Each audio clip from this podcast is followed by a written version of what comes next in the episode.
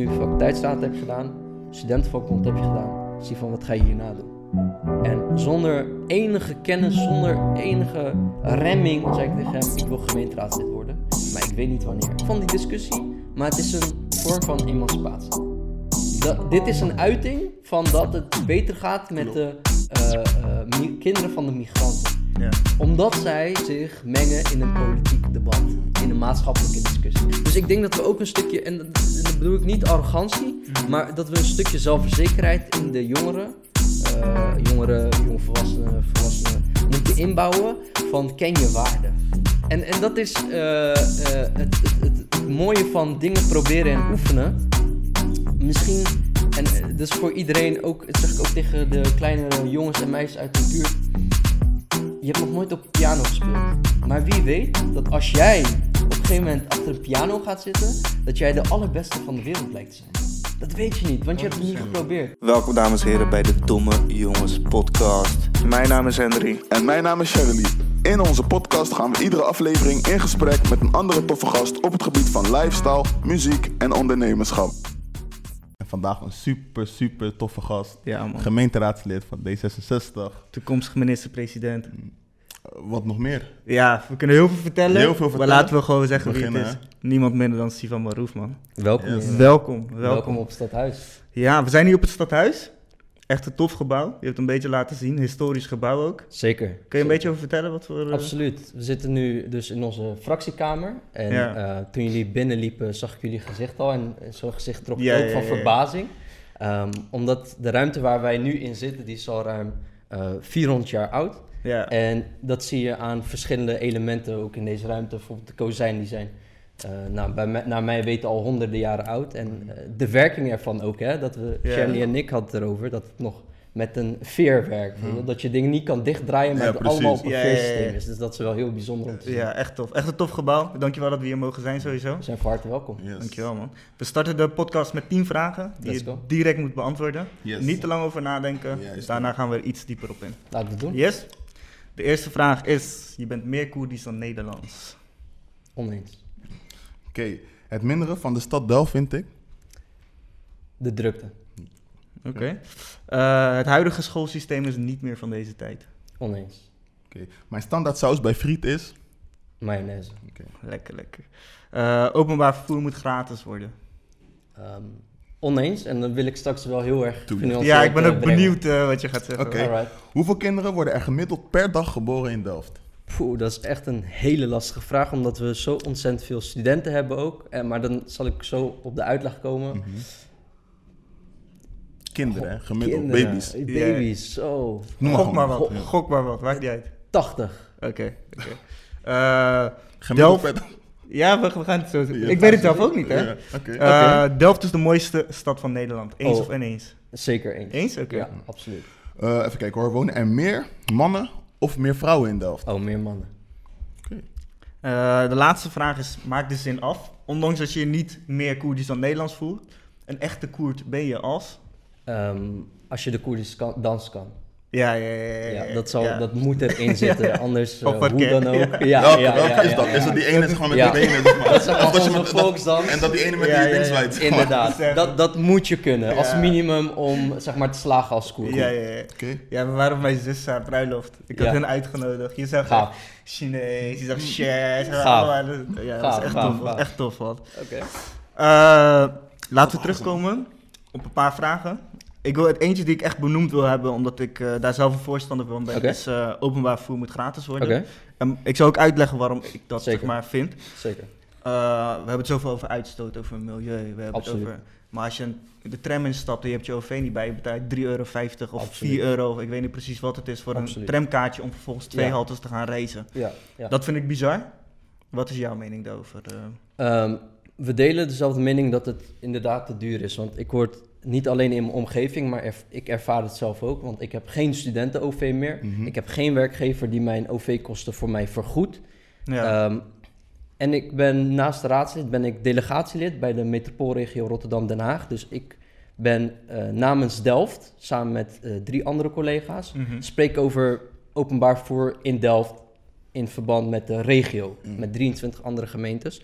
En daar is een punt, eh, wat ik, wat ik regelmatig ook naar voren breng, is dat het inderdaad te, te duur is om bijvoorbeeld vanaf Diepenbrokstraat, dichtbij waar wij wonen, Ja. als ik dan naar Den Haag ga, betaal ik 2,40, 2,70 ja, precies. voor alleen heen. Dus als Ja. ik terugreis, dan ben ik bijna 6 euro kwijt aan een middel wat ons zou kunnen helpen om onze CO2-reductie voor Precies. elkaar te krijgen. Dus ik ben het helemaal met je eens. Alleen gratis. Ehm, wat als het gratis zou zijn en we mensen dan daardoor ook weer van hun fiets zouden trekken? Wat een stukje gezondheid ook wel weer met zich meebrengt. En je krijgt hem volgens mij nooit zo eh, CO2-neutraal als een fiets. Natuurlijk de productie, maar daarna is het gewoon een en al fietsen eh, zonder iets uit te stoten. Eh, dus vandaar mijn nuance van gratis. even los van realistisch, niet realistisch hoor. Want Ja, het is ja. een hele terechte vraag. Moet het goedkoper worden? Ja, En mee eens. Oké. Maar niet gratis, omdat het dan ook wel eh zij-effecten kan hebben. Ik denk ook eh, qua drukte in de stad, want je vroeg mij wat vind ik minder aan de stad. En op een bepaald moment is dat drukte. En ehm, ik denk dat dat ook in ligt hoe we ons openbaar vervoer op eh, hebben geregeld. Misschien dat we daar later Mhm. op komen. Niet alleen openbaar vervoer, maar onze gehele openbare ruimte. Dat we eigenlijk moeten proberen wat efficiënter om te gaan met stukken grond waar we eigenlijk nu niks mee doen. ja. Waar je ook niks mee kan. We zien vaak ehm, eh, stukken groen, gras. ja. Eh, je wilt er niet doorheen lopen, want het is modderig. Ja. Eh, honden lopen er doorheen. Je kan er niet echt op voetballen, het is te klein. precies. Ehm, eh, er zijn verschillende redenen waarom je het eigenlijk niet zou gebruiken, maar het ligt er toch. Mhm. Wat gaan we Ja. doen met die ruimte? Ja, precies. Hm. Ja. Sick, man. Maar denk je ook niet, om terug te komen op wat je net zegt, denk je ook niet dat er juist ruimtes onbenut moeten laten? Dat niet alles maar volgebouwd moet worden en alles maar direct een, ja, Ja. Iets, als iets moet dienen, zeg maar. Ja, precies. Hoe kijk je daar? Ja, absoluut. En ehm, nou, mijn, in, in, in Delft het is in ieder geval de ambitie om 15.000 extra woningen toe te voegen aan wat we nu al hebben. Mhm. En er komen nog dat mag ook heel wel veel- gebeuren. Zeker, zeker. Eh, lange wachtrijen Ja, voor sociale huurwoningen. ja. Mensen die willen doorstromen, de prijzen. Ja. allemaal helemaal mee eens. En dus, maar omdat we zoveel woningen willen toevoegen... en omdat zoveel nieuwe mensen in de Randstad willen komen wonen... ja, zal je heel efficiënt met je ruimte moeten omgaan. En ik 100% ja. ik, ik ben het he- echt ehm, eh, helemaal met je eens dat we ook ruimtes ongebruikt moeten laten. Omdat Mhm. hè, je kan niet alleen maar eh, steen gaan bouwen. Je Ja. moet ook een stukje balans hebben. Hè? Ja. Dus dat er ruimte is voor een apotheek, dat er ruimte is voor school, dat er ruimte is voor bos. Mensen moeten kunnen recreëren. Mensen moeten lekker yoga in de buitenruimte Ja, bij wijze van moeten kunnen doen. Dat doet Sharon in zijn vrije tijd. De- eh. Hey, het hoort erbij, bij het leven in balans. Ehm, maar toch, als we kijken naar efficiëntie, er zijn een heleboel van die struiken, stukken struiken in Delft, waar Ja. ik me eigenlijk aan irriteer. Want je moet er omheen lopen, je kan er niet mee spelen, je kind eh, die kan ja, er ik ook... ben, ik ben het met je eens. snap Ja, je? ja, ja, Dus als we wat efficiënter kijken naar hoe, wat we kunnen doen in onze openbare ruimte, dan komt er zoveel eh, ruimte vrij voor, eh, bij wijze van, een heel yogapark. ja, Ja. Als we al die kleine stukjes true. zouden centreren ja. en even los kunnen trekken van elkaar, ja, daar moeten ik we eens. naartoe. Klopt, Ja. ben ik met je eens. Even iets anders, zeg maar, wat Welke- ik, waar ik heel benieuwd, Ja. benieuwd naar ben. Eh, hoe ziet jouw werkweek eruit eigenlijk? Oh, dat is een goede vraag. Eh, voordat jullie hier binnenkwamen, mijn eh, tas staat daar. Mhm. Mhm.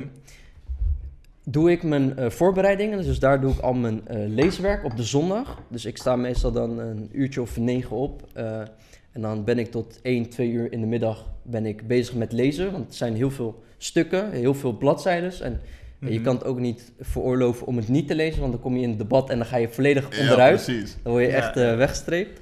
Dus het is op de zondag doe ik al mijn leeswerk. Hier ook, op locatie. Ehm, ik- Of dat maakt niet uit. dat maakt niet uit. Soms heb ik zin om hier te komen op de fractiekamer, lekker relaxed, eh, koffie drinken. Dan kom ik hier. Ik ga wel eens naar de TU, want dan kan ik mijn schoolwerk daarna aan vastplakken. En af en toe doe ik het ook thuis op bed, om heel eerlijk te zijn. Ja. Eh, lezen, tikken. Ehm, maar dat is dus de zondag, doe ik de voorbereiding. En maandag, maandagavond, eh, want raadswerk is voornamelijk 's avonds. Het is iets wat je erbij doet. Het is geen fulltime job.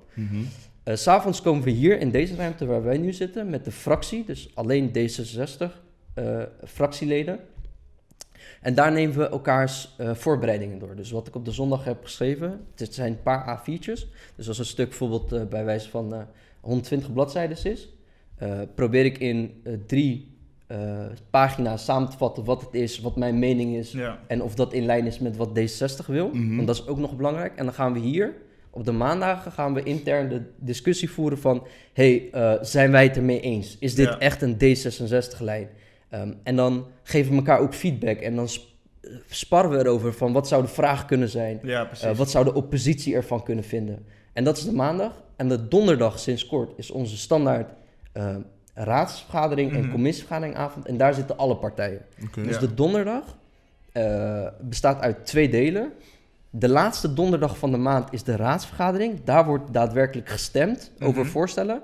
En die andere drie donderdagen daaraan voorgaand, ja. dat is vooral een moment om met andere partijen te discussiëren over eh, de standpunten. Wat, Ja. wat vindt CDA? Wat vindt PvdA? Wat vindt D66?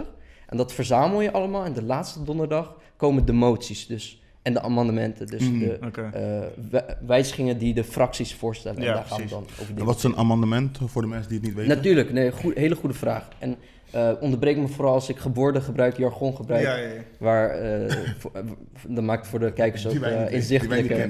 Nee, nee, is sowieso. eh, ehm, je hebt eh, een amendement is eigenlijk een eh, kleine eh, tekstwijziging. Dus je bent het over in, in zijn algeheel met zo'n stuk, al is het 80 pagina's, je bent er in hoofdlijnen mee eens. Mhm. Eh, maar het kan zijn dat je iets minims wil wijzigen. Dus eh, van dat er in het stuk staat eh 60% van eh, Delft zou dit moeten zijn. Maar dan denk, ga je in je fractie overleggen en dan met de andere fractie en zeg je, wij vinden eigenlijk dat het 45% moet zijn. Dan hoef je niet een heel een, een motie, dus een hele tekst, Ja, een wetswijziging te schrijven. Ja. Dan tik je een Ja. abonnement en dat is Ja, een kleine tekstwijziging. Ja, ja. Eh, is er nog een vraag die jij wil bespreken waar je op terug wil komen? Eh, ja, eigenlijk wel. Mhm. Eh, zeg, maar het, zeg maar het mindere van Delft vond jij dus de drukte. Ja, op bepaalde Op momenten. bepaalde momenten. Ja. Ja. Ik wil dat echt niet zeggen. Ik vind Delft juist helemaal niet druk om het zo Oké. te zeggen. Ja, Oké. ja, ja. Ik, ja, ik vind het Maar eigenlijk best wel... ben jij zeg ja. maar meer een stadspersoon of ben jij meer een, eh een dorpspersoon? dorpspersoon. 100% stadpersoon. 100%. Ehm, oké. 100%. Ik zou niet in een, eh, in ieder geval een paar dagen verblijven in een dorp. Eh, v- vind ik wel lekker af en toe, maar ik ben echt stadspersoon. De drukte, en eh, dat, dat komt vanuit het denken als raadslid af en toe.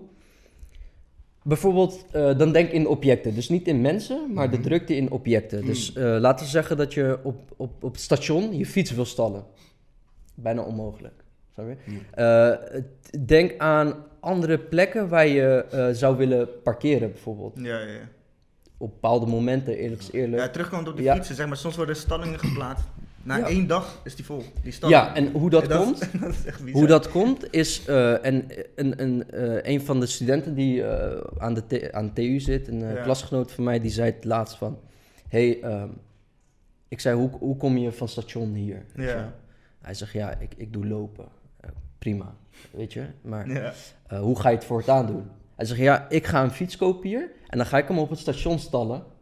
Want dan Ja. kom ik met de trein hier naartoe Mhm. En en dan pak ik mijn fiets naar... Ja. Ja. Ja, maar we hebben hier, weet ik veel, eh 26, 27.000 studenten. ja, Als, ze, als 15% daarvan dat doet, de fiets gaat stallen, ja. Klopt. dus dat is de drukte die ik bedoel. En dat is niet in de mensen, Mm. eh, maar meer in de objecten op straat. En hoeveel ja, er dat gebruik ben van ik met je gemaakt. eens, ja. Ja, ben toch? ik met je eens. Klopt. Ja. En nog iets eigenlijk wat ik had, want eh, je zei dat je zeg maar, eh, naar school gaat nog. Ja. Eh, Wat voor opleiding doe je precies? Ehm, ik studeer architectuur nu eh, aan de TU Delft. Ehm, ik heb hiervoor bouwkunde afgerond aan de Haagse Hogeschool. Mhm. En ehm, ehm, dus nu, nou, officieel heet het schakelsemester. Dus ik ben een half jaar aan het voorbereiden op de daadwerkelijke master Ja. van architectuur. Ja, oké. Ja. Laten we teruggaan naar helemaal het begin. Zeker. Je bent niet in Nederland geboren. Nee, Nee. Kan je vertellen Nee. waar je bent geboren, hoe de reis hier Tuurlijk. is eh, geweest? zeker. Eh, ik ben in Holeer geboren en eh, veel mensen die niet Koerdisch zijn kennen het als Erbil. Ja. Ehm, in 95, dus ik ben nu 24 jaar oud tijdens het opnemen van Ja, de podcast. Ik, wij zijn in 98 gevlucht naar Nederland. En ehm, daar was, toen was ik denk ik drie jaar en acht maanden. Ik praat nu trouwens heel dicht bij de podcast. nee, maar- maakt niet uit, maakt niet uit. Zo horen ze mij? Ja, ook? ja, ja, Oké, ja, ja. helemaal goed. Sorry, je luid en duidelijk. Oké, zeker.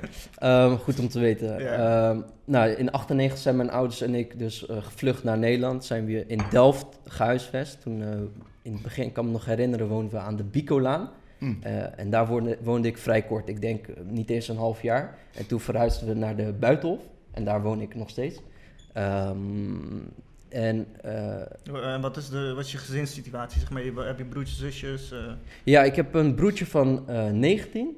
Hm. Ehm, eh, excuus, 20 inmiddels. Ik, Ja, ik ja. moet er ook aan wennen dat hij ouder wordt. nemen. Ja, ja, nee, ik moet ook aan wennen dat hij ouder wordt. Het gaat echt heel snel. Ehm. Die is in Nederland geboren, dus eh, die is echt, eh, nou ja, we noemen hem thuis Ja. wel eens een kaaskop. Ja, ja, ja. Dus eh, eh, ja, mijn, eh, mijn ouders eh, en ik zijn dus destijds gevlucht. En eh, later is mijn broertje geboren en eh, inmiddels wonen we poeh, 22 jaar eh, of 21 jaar in de buitenhof. ja. Ja, dat is nu de situatie nog steeds. Ja, Ja, ja, nog ja, steeds. ja, ja, ja. En zou, zou je hier ooit op een gegeven moment weg willen? Of eh heb je zoiets van, ik wil al voor altijd in Delft blijven? Ehm, zoals ik het nu voor me zie, ook als ik een eh, gezin, eigen gezin zou stichten, dan zou ik wel in Delft willen blijven wonen. ja? Ja, ik, ik denk dat Delft een ontzettend gebalanceerde stad is voor kinderen om in op te groeien. Mhm. Eh, niet alleen zie ik dat bij mijn broertje, eh, of heb ik dat gezien bij mijn broertje, hij is inmiddels een volwassen man. ja. Eh, ook in mijn eigen opgroeiing, Delft is groot genoeg, maar net niet te groot. Het is geen Rotterdam. Ja, precies. Ehm, eh, de drukte, je hebt veel keuze qua middelbare scholen, qua basisscholen.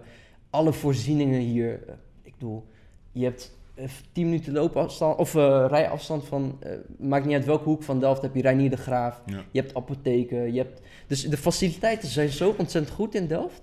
ja. En eh, wat mij verbaast is, eh, Delft is dan een stad met eh, eh, eh, meer dan 100.000 inwoners. Maar ik heb toch een dorpsgevoel. Ja, We kennen elkaar. Iedereen allemaal. kent elkaar, ik ja, klopt. Ja, we kennen elkaar. Mm. En ondanks dat er, eh, eh, of zelfs eh, nu er ontzettend veel studenten zijn in Delft, heb ik nooit het gevoel alsof ik in. Dus heel veel veranderende gezichten, dat probeer ik ermee te Mhm. zeggen. Mhm. Natuurlijk, want studenten studeren af, gaan weer verhuizen, Ja, precies. enzovoort, enzovoort. Heb ik nooit het gevoel gehad alsof Delft een hele andere stad is geworden. Ja, het is ja, ja. altijd nog steeds hetzelfde. Altijd Ja. oude vertrouwde. Dus Ja, ik klopt. zou hier wel willen blijven wonen. Ja. En in Ja. welke, welke buurt of in welk gedeelte van Delft? Eh, Gewoon in de buitenhof wel of niet? Ja, in de Buitenhof gaan we eh, heel veel eh, nieuwbouwwoningen bouwen. Eh, dus eh, nieuwbouwprojecten bouwen. En eh, bijvoorbeeld oude Delphia-terrein, achter Reinier de Graaf. Ja. Dus er komen ook, ook richting de Hovenpassage, over, voor, voordat je de brug overgaat richting Mhm. de Hovenpassage, komt een hele mooie toren. Ik hou van, ik hou van appartementen in Mhm. de hoogte wonen. Ja. Ehm, dus ik zie voldoende kansen voor nu voor mij om in de buurt van het Buitenhof of in de Buitenhof te blijven wonen. Omdat ik ook graag dicht bij mijn ouders wil Ouders. blijven. ja, tuurlijk. Eh, het, het zijn toch mijn, mijn roots liggen hier. Mhm. Eh, en als ik in een andere stad moet werken, zou ik bijvoorbeeld eh, reizen. Het zou sowieso Ja, ja, in de. Randstad zijn waarschijnlijk. Ja. Dat is goed te doen. ja. Zeker. En op een gegeven moment dan ben je, ben je opgegroeid. En Ja. dan eh, heb je altijd een voorliefde voor politiek gehad, voor politieke vraagstukken. Hoe, hoe is dat eh, gekomen? Ja, eh, vooraf hadden we het er al over van hoe lang, hoe lang hebben we de tijd hè, om Ja, daarover ja, uit te wijden. Want het, het is, eh, denk ik, begonnen. Kijk, sowieso Koerdische gezinnen, eh, moeilijke situatie, eh, omdat we hebben moeten vluchten. Politiek wordt gewoon in huis over gepraat. Ja, Mhm. ja, Dus je 100%. krijgt het echt vanaf kinds af aan mee. Ja. Maar goed, dan ben je een kind en dan krijg- hoor je het van je ouders, maar je kan het niet echt bevatten. Want je, Ja. je weet het nog niet, je weet niet beter. Nou, op een gegeven moment eh, eh, ging ik vo- ja, voetballen. Voetballen was leuk, kon steeds beter en beter. Ja. En op een gegeven moment dacht ik, oké, ik, ik, mij- ik word profvoetballer. Ik word profvoetballer, ik vond bij DHC, ging hartstikke goed. Ik was scout voor KNVB, eh, verschillende contacten, scouts enzovoort. Ja. Dus het, het, het- ik voelde me echt goed, weet je Ja. wel? Dus ik dacht, ik word, ik word profvoetballer. Dit is voor mij weggelegd. ja. En de avond voordat ik bij KNVB moest voetballen, Ja. bij eh, al die talenten, Eh, moest ik tegen eh, Feyenoord S, eh, SC, Feyenoord, dus Ja. de amateurtak Ja, van ja. Feyenoord. En mijn vader zei tegen mij, ik was toen een jaar of veertien, mijn vader zei tegen mij, ga niet voetballen, want je gaat geblesseerd raken. En, maar ik was nog nooit geblesseerd geraakt. In al die jaren, ik heb nog nooit een pijntje gehad. Dus ik zei, het, ik zei het ook tegen hem, ik kan me nog heel goed herinneren van, pa, ik ben nog nooit geblesseerd geraakt. Dus dat gaat niet gebeuren. Het gaat niet gebeuren. Ik ga daar een goede wedstrijd spelen en dan Ja. voel ik me nog beter in mijn vel. Mhm. Morgenavond. En morgenavond gaat het Ja. echt avond worden. En niemand op het veld heeft me aangeraakt. Ik, maakte een, ik zette een sliding in. Ik kwam tegen niemand aan, maar ik bleef vast in het kunstgras. En toen heb ik mijn enkelbanden verrekt. Oef. Toen was het voorbij met mijn Ja. eh, voetbaldroom. Maar wat dat teweeg heeft gebracht is... ik was, mijn enkel was er zo slecht aan toe dat ik gewoon niet uit bed kon. Dus ik Ja. lag de hele dag in bed, ik kon niet naar buiten, ik kon niet met vrienden spelen. En het was volgens mij in een periode van schoolvakantie. Ja, ja, ja. Dus het was ook nog eens, ja, Ja, heel je vakanties verpest. Precies. eh, Ja, maar ik, heb had ook gehad, geen... man. Ik had drie enkelbanden afgescheurd. Oh. Dat is echt... Nou, Ik dat- drie enkelbanden? Ja, ja, oké. Nou, dan, dan weet je in ieder geval, de is struggle is... bizar. eh, Het eh, is real, is- ja. Ja. En ehm, eh, wat er is gebeurd is, dat heeft eh, voor iets bijzonders gezorgd. Is namelijk, ik lag daar op bed en ik hoefde niet naar school. Dus ik Ja. was niet verplicht om uit bed te stappen. wat ik deed, ik hield nog steeds, ik keek ontzettend veel tv. Maar ik keek eh NOS Journaal. Ik keek eh Pauw en Witteman. Vooral Pauw en Witteman heeft het voor mij gedaan. Toen was Ja. ik 14 jaar. Ik, en ik keek naar debatten met... het maakt niet uit, Rita Verdonk was het nog toen de tijd Ja, erbij. Ik zag Wouter Bos voor het eerst. Dus ik zag eh, figuren die wel indruk op, op mij Ja, ja. hadden gemaakt. En los of ik het oneens ben of eens met hun, maar ze had wel een indruk op mij achtergelaten. En toen was ik 14 en dat heb ik toen vastgehouden. Dus ook, to- ook toen ik was hersteld, Ja. bleef ik naar die programma's kijken.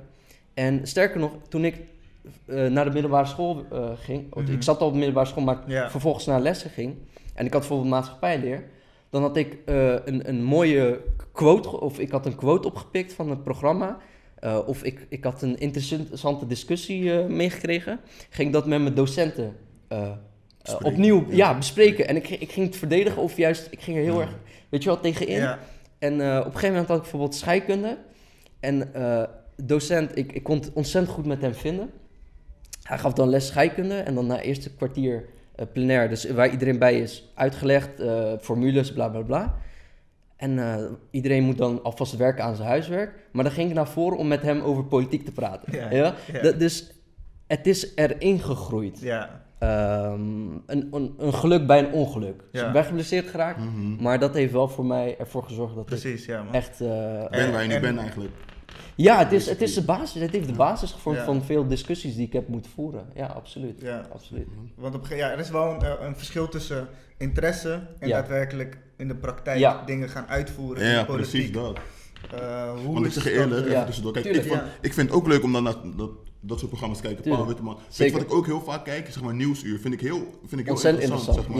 Ja, ja. Maar, toch had ik niet de drang van, oké, ik wil ook Precies. zeg maar. Kijk, het is ook waarom ik deze podcast tof vind. Tuurlijk. Share is bijvoorbeeld, hij zou nooit in de politiek gaan. Ja. Terwijl hij heeft soms standpunten dat ik denk van, ik heb daar niet eens over nagedacht. Ja, ja, ja. We hadden over welke onderwerpen we willen gaan bespreken. Gaan we super breed over politieke vraagstukken of gaan we micro op Delft focussen? Tuurlijk, tuurlijk. En toen dacht ik, ja, als ik micro op Delft ga focussen, waar wil ik het eigenlijk over gaan hebben? ja. En toen kwam hij bijvoorbeeld met punten van, eh, ja, maar er zijn heel veel dingen in, in de buitenhof zijn verdwenen voor jongeren om te doen. Terwijl, dat zijn dingen, daar denk ik wel over na, om dat direct te gaan bespreken, zeg maar.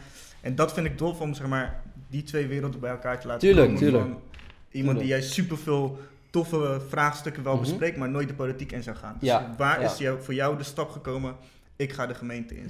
Ehm, de gemeenteraad inkomen. En eh, dat is denk ik het tweede eh, stuk van eh, mijn verhaal tot komen tot raadslid. Want, Zeker. even, want hoe kom je zeg maar, bij de gemeenteraad? Zeg maar, wat voor project gaat, wat Ja. gaat daar Juist. aan vooraf? Ehm, ik, ik, dat, dat kan echt op honderden manieren. En, en dan meen ik oprecht honderden manieren hoe je de gemeenteraad in kan komen. Ehm, misschien is het goed als ik die van mij uitleg. Mhm. En dan kan ik even kort van Ja. anderen ook belichten hoe Ja. zij de gemeenteraad in zijn gekomen. Ehm, ik kwam op een gegeven moment op de Haagse Hogeschool. En eh, ik raakte bevriend met iemand met wie ik ontzettend goed bevriend ben. eh, tot op de dag van vandaag. Chetto heet hij. Ja. Eh, hele goede vriend van mij. En eh Chetto, die had in zijn eerste maanden, was volgens mij, kwam die... Hè, hij begon met bouwkunde Ja. en wij hebben elkaar daar echt Mhm. leren kennen. En hij kwam toen bij de opleidingscommissie. En hij zei dat tegen mij. En toen dacht ik, hoe tof is dat? Het, het motiveerde mij, zeg maar, het, het, het, het gaf mij een nieuwe inzicht. Van Ja. je kan actief eh, betrokken raken bij je opleiding. En Ja. zo klein kan het beginnen. Dat was voor mij even van, oké, eh Chetto heeft het goed gedaan. Hij is bij de opleidingscommissie gekomen. Ik heb ook zin om zoiets te doen. Ehm, en ik ga het even, ik ga om me heen kijken. Nou, ik ben me toen gaan oriënteren van wat kan je allemaal als student doen. En eh, ik deed heel veel kleine dingen, weet je wel.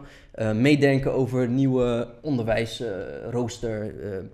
eh, nieuwe faciliteiten. en, en dan kan je het zo klein mogelijk, zo klein denken als je wil, zoals in plaats van magnetrons Ja. in, in eh, eh, zalen. Ja. Zo klein kan het zijn tot aan, oké, eh, eh, studenten zijn hier gemiddeld eh 36 uur. Moeten we naar 30 uur of moeten we naar 40 uur? Dus van heel klein tot heel... Daar ging ik over nadenken. Ja. Over, over meepraten met de hogeschool. En eh, een ander groot moment is toen op een gegeven moment geweest... Ik heb me toen gekandideerd als eh, voorzitter van de studentenvakbond. Van de Haagse Studentenvakbond. En dat ben ik toen ook geworden. Eh, nou, studentenvakbond, zoals ze zeggen, vakbond, je komt op voor studenten. Je gaat meepraten met de hogescholen, met de universiteiten specifiek in Den Haag. Over, wat, eh, over het belang van studenten. Dus daar kwam al een stukje zeg maar, training bij mij Mhm. van hoe voer je zo'n gesprek. Hè? Het zijn toch mensen met 20, 30, 40 jaar ervaring. Ja. En je komt als student van 19 binnen. Ja, hoe ga je hun overtuigen Ja. van dat eh, er moet gebeuren wat jij wil dat er gebeurt? Mhm. En eh, toen kwam een ander groot moment daarna, ik denk anderhalf jaar daarna, dus ik was inmiddels voorzitter van de studentenvakbond. eh, was, eh, ik had me gekandideerd voor de faculteitsraad. Ja. Dus je hebt een hogeschoolraad, die praat over zo'n raad. Zitten ook studenten, zitten docenten, die praat over de hele hogeschool. Maar ik vond het interessanter om over techniek te praten. Over, en een faculteit is dan een verzameling van techniekopleidingen bij elkaar. Ja. Eh, die hebben gedeelde waarden, zo bepaalde dingen die, waar ze in delen. En dat is dan weer de faculteit. En ik had me gekandideerd daarvoor. En eh pin er niet op vast, maar volgens mij waren er 23 kandidaten. En ik had met behulp van eh, mijn goede vrienden, dus Chetto, anderen, had ik veruit de meeste stemmen gehaald van al die 23 kandidaten. Dus dat was echt een moment voor mij van, oké, ik heb me gekandideerd. Uh, maar mensen gaan ook daadwerkelijk stemmen. En, en, en dat mensen gaan stemmen is eigenlijk heel bijzonder. Want uh, soms vinden we het lastig om voor elkaar iets, een A4'tje door te lezen. Maar moet je voorstellen dat iemand een moment uit, een vrije moment uit zijn dag neemt om ergens naartoe te lopen En op jou te stemmen. en op ja. jou te stemmen. Ja, dat is Dat, dat is heel bijzonder. Ja. En uh, mensen, hadden dat, mensen hadden op mij gestemd die ik niet persoonlijk kende. Maar die via mijn vrienden hoorden van... hey, stem even op Sivan, want Ja. dit en dat. Ja. Uh, stem op Sivan, want uh, uh, hij denkt dat het zus en zo beter kan. En dat was een volgende moment die bij mij had uh, een, een triggermoment van... Oké, als ik me ga kandideren op plekken... dan heb ik blijkbaar zoveel uh, fijne mensen om me heen. Weet je wel, mensen die echt supporten. Ja. Dat dat ook uh, voor een andere campagne kan helpen. Uh, want dat, dat zijn vrienden van mij die ik... Vrienden en familie, nou, in, op de hogeschool dan vrienden en uh, studen, collega-studenten... die ik niet eens om hulp vroeg, die mij gingen steunen. Ja. Ja. Dus dat was een volgende uh, uh, awakening of een, een eye-opening. Ja. Zo'n oogopenend moment. En um, nou, faculteitsstaat gedaan, 2,5 jaar ingezeten. En uh, nou, dan kom ik tot hoe ik raadslid ben geworden. En onderbreek me vooral als je nog tussenvragen Mhm. hebt of iets Ja, niet duidelijk ja. is. Hè. Um, ik- het was een vrije middag, gewoon. Het was een vrije zonnige middag. Ja. En ik ging achter mijn laptop zitten. Ja. En uh, ik had kort daarvoor een gesprek met mijn oom uit Duitsland, was hier op visite. Hij vroeg mij, hij zegt, je bent nu, uh, uh, je bent, hij, is, hij is arts, hij is chirurg, dus Ja. een man die veel heeft gestudeerd. Hij, zegt tegen mij, hij zei tegen mij, je bent nu faculteitsstaat heb je gedaan, studentenvakbond heb je gedaan, zie van wat ga je hierna doen? En zonder enige kennis, zonder enige remming, zei ik tegen hem, ik wil gemeenteraadslid worden, maar ik weet niet wanneer. Ik had nog geen idee. Ja. Zeg maar, ik had in Den Haag wel eens met gemeenteraadsleden gesproken. Een beetje gezien van wat voor werk zij deden. Ze vroeg, we belden af en toe. Mhm. Maar ik wist, ik had geen idee wat ze deden. Maar ik zei dat tegen mijn oom. Zonder Ja. geen ene vorm van remming. Zonder, Ja, zonder enige zelfbewustzijn. Dus eh, kort daarna was ik dus op een vrije middag. Ging ik op mijn laptop. Ging gewoon intikken van, hoe word je gemeenteraadslid? Ja. En een van de eerste pagina's die opkwam was een cursus aangeboden door de gemeente Delft. Van, dat heette volgens mij Ja, ik wil. En dat stond voor Ja, ik wil in de gemeenteraad. Ja. En daar, ging, daar gaven ze cursussen. Ik wil, ik wil nog wel Tuurlijk. één stap terug gaan, Tuurlijk. zeg maar. Eh, want ik, ik heb bestuurskunde gedaan, dus ik Ja. weet wel wat de gemeenteraad is en ik weet wel Mhm, wat ze doen. mhm. Maar ik weet dat de gemiddelde mens, zeg maar, die weet niet wat de gemeenteraad doet. Ja, Dus ik kan me ook niet direct, Klopt. zeg maar, Ja, voorstellen dat je ook interesse in de gemeenteraad hebt als je niet echt weet wat die Ja, doet precies. of wat dan ook. Ja. En we hadden Ja. het net ook over het stemmen. Iemand neemt wel een dag vrij om op jou te gaan stemmen. Jij hebt best wel veel stemmen opgehaald. Ik heb daar een beetje over Ja. ingelezen en zo. Maar ik denk dat tussen die stemmers ook stemmers zitten die niet precies weten wat je nou eigenlijk gaat doen. Zeker. En wat doet de gemeenteraad? Waar komt jouw interesse vandaan? En heb je altijd al geweten wat de gemeenteraad deed? Klopt. Eh, ik denk persoonlijk van, zeg maar, als je gewoon, Ja. laten we zeggen, naar onze buurt gaat. Ja. En je zegt, ik denk dat hun, zeg maar, gemeenteraad en, zeg maar, eh, Tweede Kamer is voor hun, zeg maar, hetzelfde. Je Ja, ja, ja. Dat is het. ja, ja. Hun denken van, oké, hij zeg maar, als, ik, als er heel veel mensen op hem stemmen, dan zie ik hem later eh, Ja, op televisie. ja, zeg maar, ja, ja, eh, ja. Minister, president. En wat ik snap, want ik heb, ehm, ik was politiek geïnteresseerd.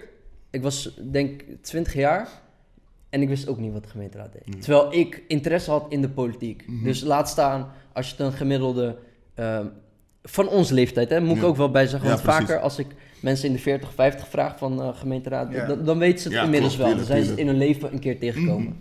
Eh, maar een terecht punt. Ehm, hoe kwam ik tot gemeenteraad? Ik heb echt geen idee. Ik had gewoon zoiets van, ik wil een stap hogerop. Ja. En een stap hogerop, ja, Tweede Kamer is onbereikbaar.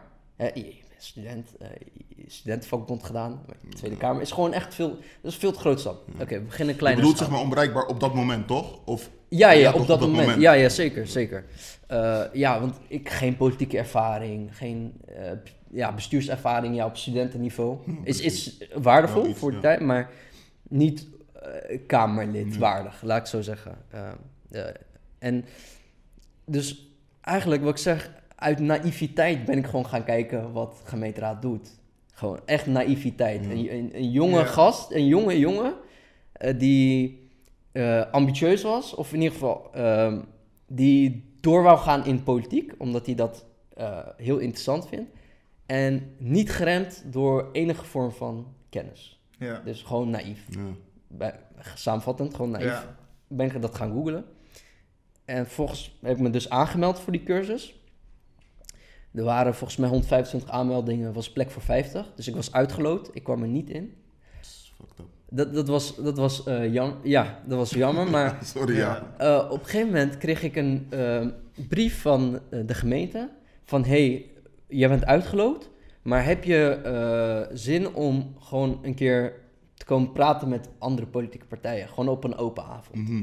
En ik kwam daar en oprecht, eh, dat is het bijzondere, ik kwam daar voor het eerst in de raadzaal, dus hierboven, Ja. en ik zat precies op de stoel waar ik nu zit. Ja? Hoe bijzonder is dat? Het heeft zo moeten zijn. Ja. Ik zat precies op de stoel waar ik nu zit. En ik keek om je heen. En die zaal is ook dus eh 400 jaar oud. En ik keek om me heen. Ik kijk zo. eh, En, en ik zie die microfoons. Ik zie de camera's. Ik zie een groot scherm. Ik, ik, en ik hou van oude gebouwen. Ook architectuurachtergrond, hè. Ja. En, en eh, het was, het was even... Ik heb niks van die cursus meegekregen. Ik heb er oprecht niks meer meegekregen. Ik heb alleen maar om me heen zitten kijken van... Hoe tof is het als je hier elke dag zou mogen zitten? Mhm. En dat was een volgende moment voor mij... die mij eh, dreef om dat te willen worden. Dus zeg maar de beleving. Dat, dat vind ik heel belangrijk. De Mm. beleving van Mm. dingen. En ehm, nou, toen raakte ik in gesprek met eh, Christine Bel. Dat is onze huidige fractievoorzitter. En eh, ik, ik, ik was... eh, ik, ik wilde wel... zij vroeg mij van... Hey, heb je wel eens interesse gehad in politiek? Zou je, hè, wil je, zou je Ja. wel eens... Heb je nagedacht over een lijst of zo? En ik, ik deed bescheiden, want ik wil Mhm. niet... Hè, zij is fractievoorzitter van D60. Ja, ja. En eh, ik, ben, ik heb me aangemeld voor een cursus. Ja. Mhm. Eh, en, en dat is eigenlijk met alle respect naar mezelf ook toe hoor. Maar eh, er is, ehm, inhoudelijk is er kennisverschil. Tuurlijk, ja. Hè? Dus inhoudelijk, eh, je- dus je kan groot, een grote mond hebben. Maar als zo iemand op een gegeven moment met jou een echte inhoudelijke debat begint, of gesprek begint, dan val je door de man. Ja. Dus je kan beter relaxed Juist. gewoon relaxed doen. En ehm, op een gegeven moment kwam de griffier, dus dat is de ondersteuning van de gemeenteraad. Ik zal het niet technisch eh, maken. En die zei, ehm, ik, volgens mij zei hij, ik zag dat je meegedaan aan verkiezingen voor de faculteitsraad, of dat had je verteld. En je had het meeste stem binnengehaald. Zou je dat ook in Delft kunnen? Waar de fractievoorzitter ook bij was, Ja. onze fractievoorzitter. En eh, ja, ik, ik, deed heel, ik deed bescheiden, maar op een gegeven moment werd mij echt de vraag gesteld van, eh, zou je dat kunnen, stem Ja. binnenhalen? En toen vroeg ik van, ja, maar wat is de, eh, wat, wat is de drempel om erin te komen? Ja, En eh, volgens mij was dat 325 of zo. Als je 325 stemmen haalt, ja. dan heb je genoeg voorkeurstemmen. En als er genoeg zetels zijn binnen de partij, dus het is tweeledig, dan kan je, in theorie, kan je gemeenteraadslid worden. En toen ik hoorde 325, ik dacht 325, die haal ik wel. Ja, ja. Maar ook weer eh, niet geremd door enige vorm van kennis. Want als je kijkt naar die, je hebt ze gezien Henry, Ja. naar hoeveel stemmen mensen gemiddeld binnenhalen. Het is lastig. Hoe, lastig. hoeveel ligt dat ongeveer? Eh, Ja, ik weet het verschil Ja. niet tussen de twee, maar ik weet wel dat landelijke stemmen is, is echt een klein percentage die naar Ja. landelijke stemmen gaat, gaat naar de gemeenteraadsverkiezingen. Zeg maar. Ja. Dus daar zit al een heel groot verschil Mhm. in. Ja. En dan moet je daar binnen de partij nog de onafhankelijke stem voor de naam ja, ja, dat is, ja, zeg maar, ja, vooral dat is het zeg maar, ja, ja. ja, ja.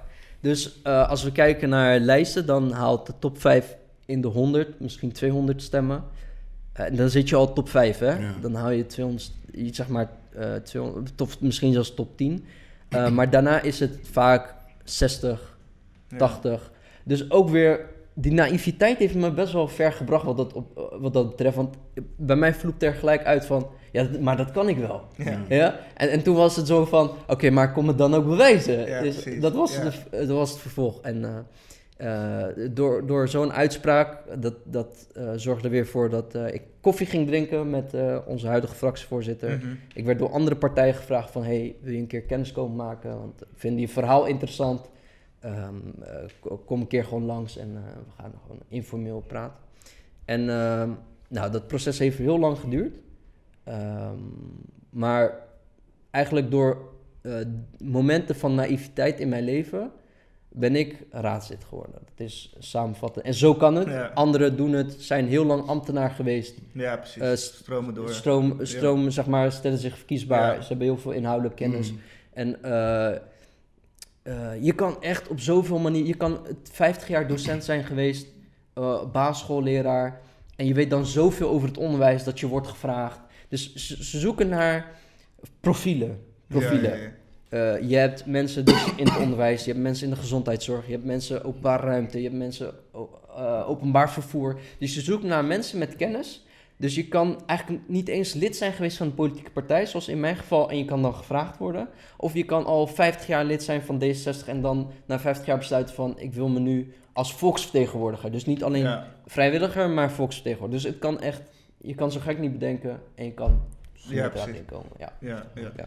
Zijn jij ooit politiek ingaan? Of niet? Ik? Mm, Nou ja, wie weet ooit, maar... eh, omdat ik, ja, ik heb wel best wel veel dingen die ik zou willen Ja, maar veranderen. daarom juist, Ja. zeg maar. Ik denk Maar- dat mensen dat ook onderschatten, zeg maar. Dat, Maar weet je dat wat ze het nooit is? interesse in politiek hebben gehad. Althans, niet echt van ik ga de politiek in. Ja. Dat ze dan denken dat ze het niet kunnen of wat Ja. Nou, dat is het. Ik, ik- kijk, weet je wat het is? Kijk, ik weet van mezelf ook, ik ben niet zeg maar die, zo'n type die Mhm. tien bladzijden vind ik al te veel, begrijp je? Dus Oeh. dan gaat het voor mij al lastig. Ja. wat ik bedoel? Ik wil gewoon, laten we Ja. zeggen, dingen doen. Dat is voor mij prima. Als ik, als ik in de politiek kan en ik kan alleen maar dingen doen de Mhm, hele dag, mhm. dan, is, dan, dan is het perfect. Ja, man. Maar dat lezen, inlezen en alles, wel. dat is echt niet Ja, een ja. Uiteindelijk, je bent gewoon kies, ja, je, je bent gekozen, je bent Ja. naar de gemeenteraad ingegaan. Ja. Daar zit je nu in. Zijn er punten waar jij tegenaan loopt op dit moment? Dat je denkt van, oh, dit had ik niet verwacht. Dit zijn eh, bijvoorbeeld mensen met meer inhoudelijke kennis dan ik. Binnen de partij ook misschien. Eh, of misschien in de toekomst waar je, waar bang voor bent tussen Ja, aanhalingstekens. ja, ja. Waar loop je nu tegenaan of gaat het eigenlijk wel zoals je had gehoopt? eh? Ja, ja. Ehm, kijk, in het begin is het. ehm, eh, nu niet meer, laat, laat ik zo Mhm. zeggen. Nu natuurlijk, eh, er zijn ehm, dingen die langzaam lopen. ja.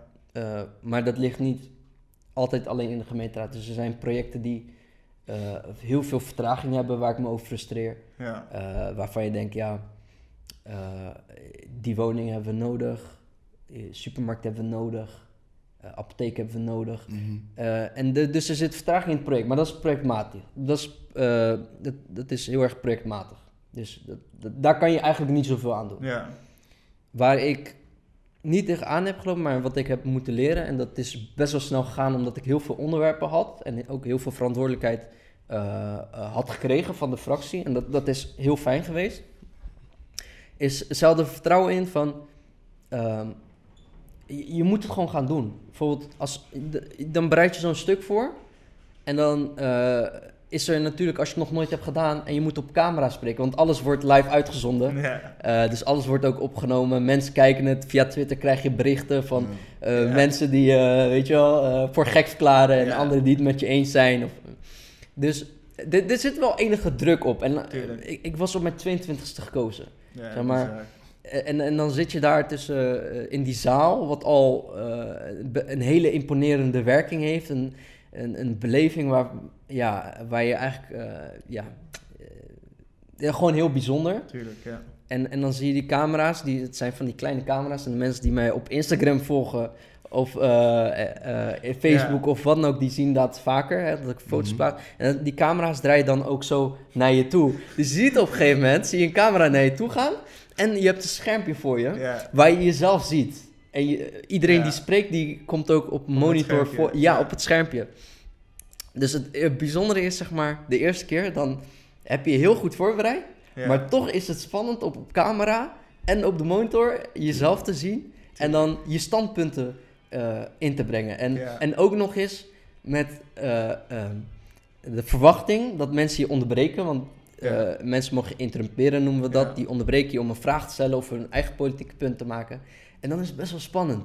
Dan is het je eerste keer en dan denk je van, wow, als, weet ik veel, eh, de SP mij nu onderbreekt en mij een hele moeilijke vraag stelt, dat je begint twijfelen aan, ken ik het stuk goed genoeg? Mhm. Want nu, als ik nu een debat ga voeren, heb ik in- dat heb ik inmiddels zo vaak gedaan, dat ook al heb ik iets gemist, dat kan altijd gebeuren. Je hebt 90, 100, je hebt misschien 200 pagina's, je kan niet alles in dit, tot in detail kennen. Ja. Dus je denkt dan, misschien heb ik iets gemist, maar nu, ja, eh, er Ja. zit ervaring, dus je kan er, je, je kan je eigen politieke punten kan je aan, aanhouden. Je, je stapt niet in een frame van een ander, een negatieve frame. Je, je hebt altijd je eigen verhaal, dus nu lukt het wel. Maar als je die ervaring nog niet hebt, dan is het best wel spannend. Van, oké, iemand gaat je een, een, hele technische vraag stellen en je, je, je weet het niet, of je bent het vergeten. Hoe ga je daar uitkomen? Ja. Dus de eerste paar keer Ja. was wel heel spannend. En hoe ging je daarmee om dan? Eh, Hoe is dat, eh, hoe Eh, heb je daar onderuit geluld, om het zo maar te zeggen? Nee, niet eens. eh, ik heb geleerd, best wel, ik ben heel intensief, eh, het is een heel intensief programma geweest. Waar we eh, verschillende mensen die eh mediatraining geven, die hebben mij die training gegeven omdat ik in de eh, top 5, kan, zelfs top 10 kandidatenlijst eh, stond. Mhm. Dus eh, ik zou eh, bijna 100% zeker gemeenteraad inkomen. Dus er is wel heel veel tijd ook vanuit D60 landelijk geïnvesteerd in de raadsleden die Ja. opkomen, de jonge talenten. En ehm, dat heeft heel veel geholpen van... laatst werd een vraag aan mij gesteld en ik had die op mijn IG geplaatst, op mijn IGTV. Ja. Dat was zo'n vraag van... beste meneer Marouf, bent u het met mij eens dat? Dat is een hele lastige vraag, want als je de ervaring niet hebt, dan ga je antwoorden: Ik ben het wel met u eens, maar waarschijnlijk ga je zeggen: Ik ben niet met u eens. Maar dan stap je in een negatieve frame van de ander. Ja, ja, ja. Snap je? Dus als je dan zo'n training hebt gehad, dan denk je van: Ah ja, dit is zo'n eh, hindernis. Of dit is zo'n hoepeltje. Mhm. Eh, Dat vertelde ik ook in mijn debat. Het kwam Ja. er zo uit. Dat moet je natuurlijk niet Ja. zeggen. Maar dat is zo'n hoepeltje die zij dan, of hij, voor jou ophoudt. En daar moet je doorheen springen. Ja. En dan stap je in het frame van iemand anders en dan ben je verloren. Dan, dan ben je in niemandsland. Dus dan word je geleerd om heel goed je eigen verhaal te kennen. Want kijk, het is niet erg dat ik het niet eens ben met iemand anders. Er zijn mensen die op een andere partij stemmen. Er zijn mensen die op eh, onze partij stemmen, op D66 stemmen. En die moeten er ook op kunnen rekenen dat ik ten alle tijde hun verhaal, hè, waar zij op hebben gestemd, ons verkiezingsprogramma zo goed mogelijk verwoord. Eh, dus, als je, de, dus door heel uh, terugkomend op jouw vraag van hoe is dat wel Mhm. goed gekomen. Vanuit de fractie, ik, had, ik heb heel veel onderwerpen. Dus ruimte, ik, ik ben woordvoerder ruimtelijke ordening. Dus eigenlijk meestal wat je hier ziet, de gebouwen, wonen enzovoort. En openbaar vervoer. Uh, dus ik heb elke week een hele drukke agenda waar ik heel veel moet debatteren. Dus een, een oefening, uh, baardkunst. Oef, ja. Alles is oefenen, oefenen, oefenen, oefenen. Het maakt me niet uit wat het is in het leven. Als je het, als je het goed genoeg oefent, kan je alles. En misschien ja. is er zo ruimte voor een verhaal waar ik... Uh, dat voor mij onlangs uh, een, een, nieuwe openbaring voor mezelf. Waar ook weer het verhaal van oefenen ik niet tot mezelf heb betrokken. Uh, bijvoorbeeld, ik, ik ben begonnen dus aan de TU Delft. Mhm. En op de hogeschool uh, bouwkunde, dan ben je geen ontwerper. Dat is niet je taak. Dus Ja. je bent niet het creatieve brein. Dus wat ik mezelf en wij als studenten aan de hogeschool onszelf vertelden van... Ja, maar ik ben niet creatief, ik kan niet tekenen. Terwijl geen van ons heeft het ooit geprobeerd. Ja, ja. En nu, nu ik aan de TU studeer, eh, en bij mijn eerste tekenles had ik dat nog steeds van, in mijn hoofd van, oh, misschien is dit een vak wat ik eigenlijk niet zo goed beheers. Ja. Nog nooit geprobeerd. Ja, dus ik ja. begin te tekenen en na een paar uur ging het zo goed. De docent zegt tegen mij, oh, do- doe je dit vaker? En toen dacht ik, wow, Je moest eens weten. je moet, ik heb mezelf altijd gesteld dat ik dit niet kan. Ja, ja, ja. En, en dat is eh, eh, het, het, het, het mooie van dingen proberen en oefenen. Misschien, en eh, dus voor iedereen ook, dat zeg ik ook tegen de kleinere jongens en meisjes uit de buurt. Je hebt nog nooit op piano gespeeld. Maar wie weet dat als jij op een gegeven moment achter een piano gaat zitten, dat jij de allerbeste van de wereld blijkt te zijn. Dat weet je niet, want je hebt het niet 100%. geprobeerd. Ja, ik, ik denk dat het ook wel nog goed is om aan toe te voegen. Ik ben het 100% met je eens wat Ja. je zegt. Ik denk dat het ook goed is dat we niet bang zijn om fouten te maken, zeg maar. Absoluut. Stel dat die, de eerste tekening die je had gemaakt super slecht was. Oh, zeker, is, is dat dat gebeurd. zeg maar misschien wel voor de tweede keer wordt hij misschien 1% beter. Zeker, En ik denk dat daar ook een obstakel ligt. Absoluut. Toch? Ehm, dus niet opgeven. Ik Ja. denk dat dat kern is va- van eh, eh, het, onze gecombineerde verhaal. Van het maakt echt oprecht niet uit wat het is, wat je doet. Als je het op een gegeven moment vaak genoeg hebt gedaan, dan word je, dan word je echt een van de betere. Ehm, ook, eh, ik moest een maquette, dus dat is een model van een gebied bijvoorbeeld. Eh, Dan kan je kiezen om het in hout te doen of in piepschuim. Dus modelletjes bouwen, zodat je inzichtelijk maakt waar de gebouwen zitten. Heb ik moeten doen in hout. Nou, de laatste keer dat ik zo'n eh, zaagmachine heb aangeraakt, dat was volgens mij op, in de eerste klas middelbare school. Ja, en dat ja. was een klein ding waar je kleine houtblokjes... Techniek. eh, Ja, precies. Ja, ja, ja. En nu moesten we een maquette van twee meter bouwen, weet je wel. Eh, dus denken dat ik eh, niet handig ben, terwijl ik heb het nog nooit geprobeerd. Waarom ben ik niet Ja, handig? Eh, dat, dat soort vragen moeten we onszelf, en in Ja. dit geval ik mezelf wel vaak stellen van... waarom denk ik dat ik iets niet kan? En Ja. volgens mij is het de eh, uitspraak van Pipi Langkous van... ik heb het nog nooit gedaan, dus ik denk dat ik het wel kan. Ja.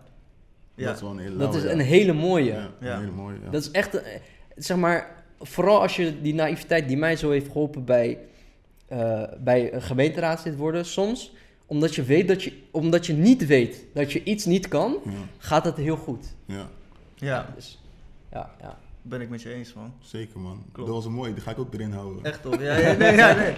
nee ik ben het echt met je eens, man. Het is ook, zeg maar, dan, ik heb best wel vaak gesprekken met Cher gaan over dit Ja. soort onderwerpen. Ja. En ook onderling. Kijk, als je met iemand samenwerkt, is Tuurlijk. het dubbel een leerproces. Tuurlijk, Want zeker. dan, eh ja, ik- discussie is een groot woord, maar dan heb je een gesprek met elkaar, met z'n Tuurlijk. tweeën. Ja, En als je dan, be- soms benoemt hij dingen, dan ga ik erover nadenken. Ik, hij heeft 100% gelijk, maar ik heb Ja. er nooit zo over nagedacht. ja, ja, ja. En dat betekent dat eigenlijk hoe jij het leven ziet, zeg maar, kan soms helemaal niet kloppen. absoluut. En je Ja, kadert jezelf ook, toch? Ja. Dat is het. Je kadert Ja. jezelf van, oké, ik ben hier goed in, dus in de rest, zeg maar, niet zo erg. Ja, Ja. Ik, heb ik heb hier heel lang voor geleerd, dus zeg maar, als ik hierin doorga, word ik heel goed. En de rest, Ja. Ja, het helemaal niet zo hoeft te zijn, Dat- zeg maar. dat, dat is echt niet zo. Dat is. Ik kom er keer op keer achter, dat is echt niet zo. Nee.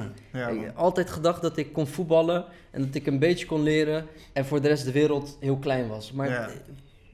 dat is echt niet zo. Dat is echt niet zo, als, ik als ik morgen, en ik heb, ik heb toevallig heb ik, eh, wat schilderspullen gekocht. Ja. Ja, Uit- dat is- zeg maar, ja, ja toch? Op Ja. Instagram. Ja. Eh, zeg maar, de motivatie doordat ik achter bepaalde dingen ben gekomen van ik kan wel tekenen, ik ben wel handig. Eh, die heeft mij zo gemotiveerd om schilderspullen te gaan kopen. Ik ga gewoon mezelf leren schilderen. Ja. Het, het, is best wel, het is best wel leuk. Ik heb afgelopen vrijdag ben ik van 9 tot 4 in een tekenzaal geweest. Ik werkte zo goed op mijn. Ja, het klinkt een beetje, het klinkt zoals dromerig, maar op je geest, zeg maar. Het is zo ontspannend om gewoon te tekenen. Je mobiel is niet in de buurt en we tekenen naar waarneming. Dus docent plaatst gewoon blokjes voor je. En jij gaat, en dat is ontzettend moeilijk, jij gaat tekenen wat een mens ziet Ja. ontzettend moeilijk, maar werkt heel ontspannend. Er is niks in de wereld waar je op dat moment aan denkt, behalve die blokjes die jij probeert na te tekenen Ja, voor ja, iemand anders. Dus ik, ik dacht, nou, dan ga ik het doortrekken. Dus ik heb schilderspullen gehaald. Ik ga mezelf leren schilderen. Ja, dat, is- dat Ja. is echt tof. Ja. Dat is echt tof. Ja, ja.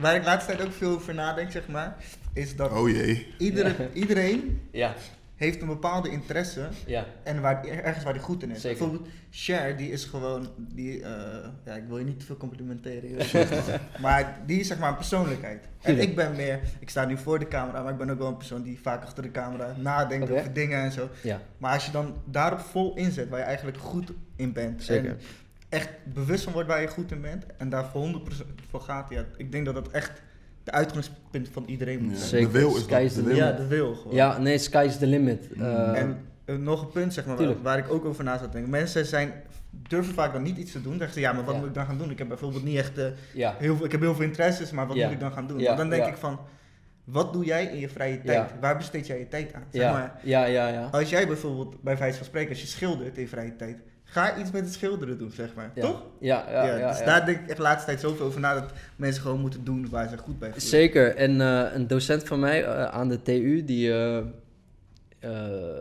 een van de studenten, we, moesten, we moeten visiedocumenten maken voor Schiehaven, eh, Rotterdam. Dus dat is gewoon van, wat is jouw visie? Hoe zou het Ja. gebied eruit moeten zijn? Dat is best wel een uitdagend, omdat de vraag zo groot is. Wat is je visie? Ja, heb je wel überhaupt visie? Dan moet je daarover na gaan denken. En op een gegeven moment stelde de student heel veel vragen, zeg maar. Van, oh, moet ik rekening houden met het visiedocument van Rot- gemeente Rotterdam? Eh, moet ik rekening houden met dat... eh, havengebied eh, be- behouden moet blijven. Ja, moet ik ja. hier aan denken? Meer woningen, meer... Op een gegeven moment zei hij... Op een gegeven moment, en dat was het leuke... Ga maar gewoon doen. Dat zei hij tegen ons. Ja. Ga maar gewoon doen. Begin met tekenen. En ga achteraf nadenken. Soms, als je te veel nadenkt... dan ga je zelf barrières opwerpen. True. Dan ga je aan heel veel dingen denken... die je, die je eigenlijk niet toe doen. Dus je denkt van... Ik, ik wil hier een lijn zetten. Oh nee, sorry. Hier staat al een school. Mag ik die wel slopen? Mag ik die... Dus je gaat jezelf heel veel twijfel Ja, eh, 100%. aanpraten. Eh, Dus soms moet je... En het tweede mooie is... Dus eer- het eerste is... Soms gewoon doen. Achteraf nadenken. Ja. Het tweede... Ga je dood? Nee, Ja, Nee, toch? 100%. Je, je gaat ja, niet dood. Het is, ik, ik was eh, die podcast van Joe Rogan met eh, Elon Musk. Heb je die wel eens gezien? Ja, ja. Die is zo tof, dan, Ja. want eh, hij is dan bezig met ondergrondse wegen, die Ja, dan, ja, ja. zodat er geen files meer zijn. Ja, En dan vraagt hij van hoe ben je begonnen en hoe heb je dat benaderd naar de overheid toe en zo. ja. Hij zegt, ik heb gewoon een gat gegraven. Ja. Hij zegt, maar hij zegt, ja, maar hoe ben je begonnen? Ja, ik heb een gat gegraven. Ja, ja, ja. Hij zegt, ja, nu zit er een gat in de grond. Ja, En dan ben ik alvast begonnen. zeg ja, maar. ja. En zo ja, gaat, ja, ja, hij zegt, ja. ja, beter een gat in de grond dan niks. dan niks, ja, ja, ja. Dat is eigenlijk gewoon het kern van Ja. het verhaal, denk ik. Ja. Ja, ik ben ook een groot fan van Joe Rogan. En de mensen Ja, die bij hem echt- langskomen, die zijn zo ontzettend interessant. ja.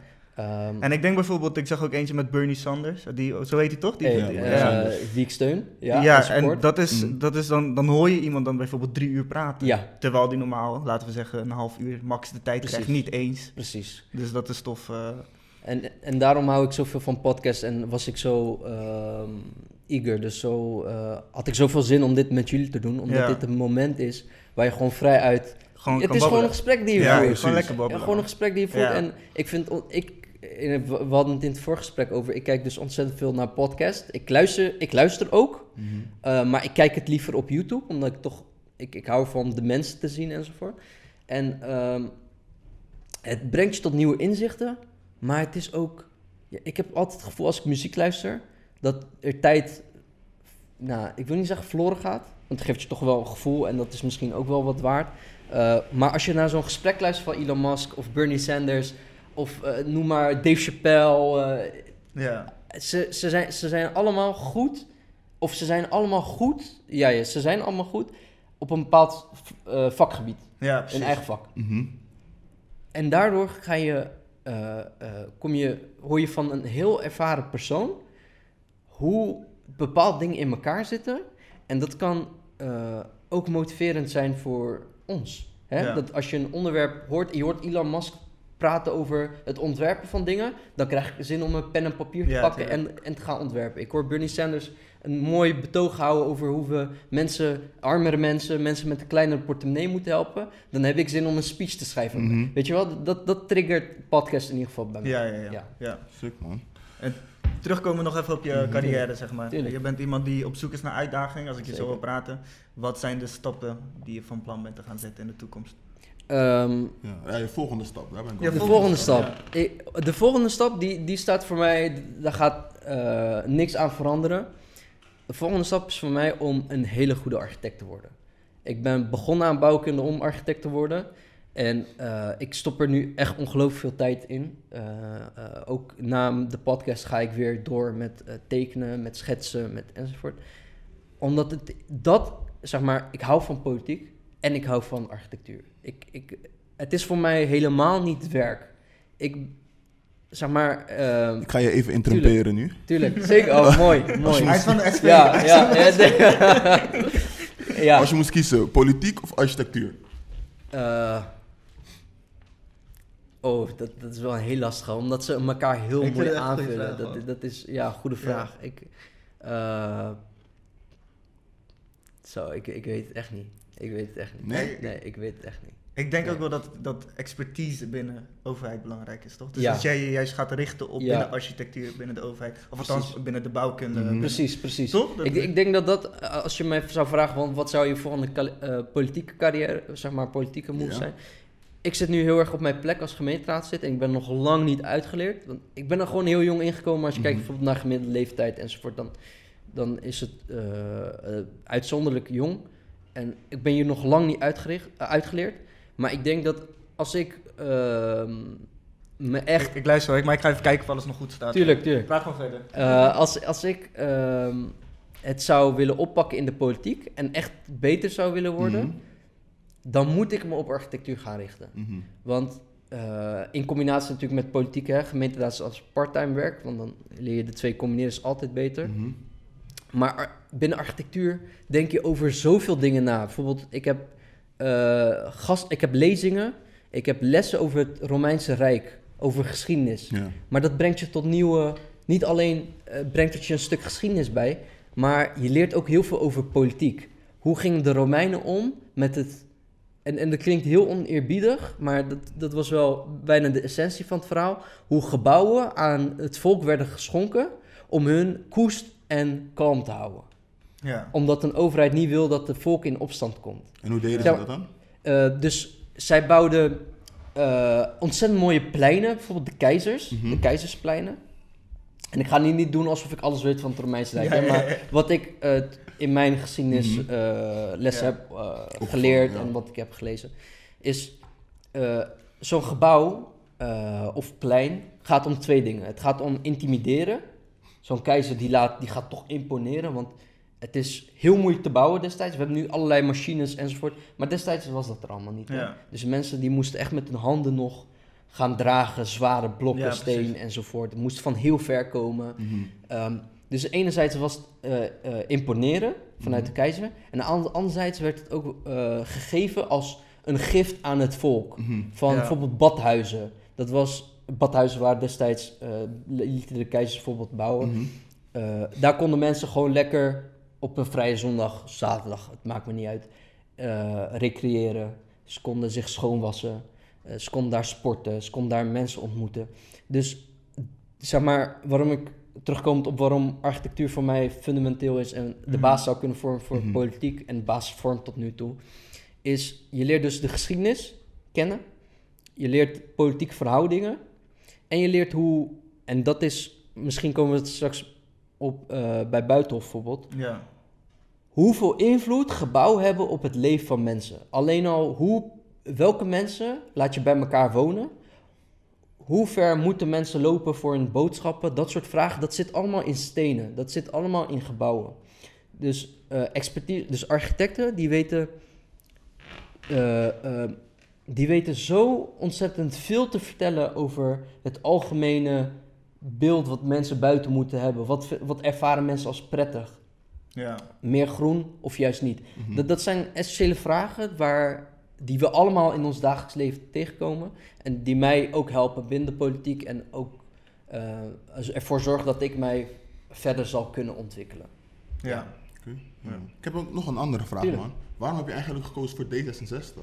Goede vraag. Ja. Ehm, allereerst, kijk, voor mij was Alexander Pechtold, eh, dat is de oude fractievoorzitter. dat, dat is een, ik, ik hou van de straatvechters. Dus de politici, de, de echte straatvechters, weet je wel, harde uithalen, goede debatten, snel, behendig, eh flair, weet je wel, Ja. al, al die FIFA-termen, weet je wel, Ja, die je. FIFA hebt, flair en zo. dat zie ik ook in een politicus terug, weet je wel, van harde uithalen. eh, dus toen ik hem, ik was nog geen lid van D66, ik zag hem eh, debatteren, ik zag hem op tv en iedere keer als ik hem had gehoord, dacht ik van ja, hij heeft wel een punt. En eh, ik, ik, ik zou graag willen dat deze man, dus Alexander Pechtold, mij en mensen die ik ken zou verdedigen. Als ik iemand mocht kiezen om ons te verdedigen, dan zou ik hem kiezen. Omdat ik er eh, vanuit kan gaan dat hij echt als een fort staat. Gewoon, gewoon heel stevig in zijn schoenen. En continu hetzelfde verhaal kan blijven vertellen, ook onder druk. Mhm. Dus ik raakte geïnspireerd door hem. Dus hem als. eh, op een gegeven moment ging ik me verdiepen in de politieke partijen. En essentieel in mijn eh, leven is geweest en is het nog steeds. En ik ben ervan overtuigd dat dat, eh, dat onderwijs het voor iedereen is. Je bent nooit uitgeleerd. D60 staat ook voor onderwijs op alle leeftijden. Mhm. En dat is essentieel in onze samenleving. Dat iedereen toegang heeft tot goed onderwijs. En daar, dat is een van de kernpunten van D66. Maar wat Ja. vind jij goed onderwijs? Ehm, kijk, waar... Ja, Maar terugkomen, Ja, de- tuurlijk, een van de eerste vragen die we stelden was, uh, of althans die ik stelde was, uh, huidige schoolsysteem is niet Ja. meer van deze tijd. Ja. Daarop antwoordde jij van dat dat niet het geval is. ja. Hoe- zie jij het dan, ja, je vindt dus dat het goed gaat in principe. Is dus de schoolsysteem die we nu hebben, moeten we dat aanhouden of moeten daar veranderingen in komen? Eh, net als hoe ehm, wij nooit zijn uitgeleerd als mensen, zijn we ook nooit uitgeleerd over hoe het systeem beter kan. Ehm, bijvoorbeeld, ehm, kijk, we hebben toch dit alles met elkaar bereikt. Alles om ons heen. Eh, jullie, een podcast, microfoons, alle technologie om ons heen. Door het huidige sy- schoolsysteem. Dus het, het, het, levert, het levert tot nu toe, binnen wat wij Daar kennen. ben ik niet helemaal met je eens. Nee? Wat, Nee. wat zou... Want dit is niet jou- het gevolg van, van het huidige schoolsysteem. Dit is juist, ik vind Ja. dat het huidige Ja. schoolsysteem, en Ja. mag je met me Tuurlijk, oneens zijn, tuurlijk, maar tuurlijk, dat de huidige, huidige schoolsysteem die we nu kennen belemmert creativiteit van kinderen. Van jongvolwassenen ook. Oké. Ehm, Omdat, ja. omdat de, de aanbod van de vakken die we kennen, die, zijn, die is beperkt. Wordt tot één doelgroep wordt het gericht. Uh, de klasverdeling tussen de gemeenschappen vaak, wil ik het niet zo noemen, maar de blanke kindertjes worden bij de blanke kindertjes vaak gestopt. Binnen de wijken, hè, de, de wijkverdeling heeft daarmee te maken. Ik vind dat het meer gemixt moet zijn. Uh, we moeten niet zo op jonge leeftijd naar de VWO worden gestuurd. Eentje naar de VMBO, eentje naar... ja, ja. Moet bij elkaar blijven. Ja, En de creativiteit die de kinderen dan zelf hebben, kunnen dan op latere leeftijd uiting krijgen. En dit, wat wij nu dan zien, is de vorm van creativiteit die wij op latere leeftijd zelf hebben gehad. En het schoolsysteem vindt, staat er helemaal los van. Oké. Ehm, eh, nou, laat ik kort zeggen waar ik het eens met je ben. Ja. Eh, creativiteit onder kinderen moet op een veel jongere leeftijd gestimuleerd worden. En ehm, veel intensiever. Helemaal met je eens. Eh, worden er te vroeg schooladviezen gegeven? Ik denk dat we het eh, anders... Nou, voor D66, eh, en dat zie ik ook wel als ideaalbeeld... dan heb je... ik, heb, ik heb een positief geuit bijvoorbeeld op Twitter over die gemixte klassen. Hè? Van dat je op je twaalfde geen advies krijgt omdat voornamelijk kinderen uit eh, en, en daar ben ik ook één van Mhm. geweest, op iets latere leeftijd op gang komen. Echt op gang komen. Ja. Dat, dat is zo. Dat is zo bij mij geweest.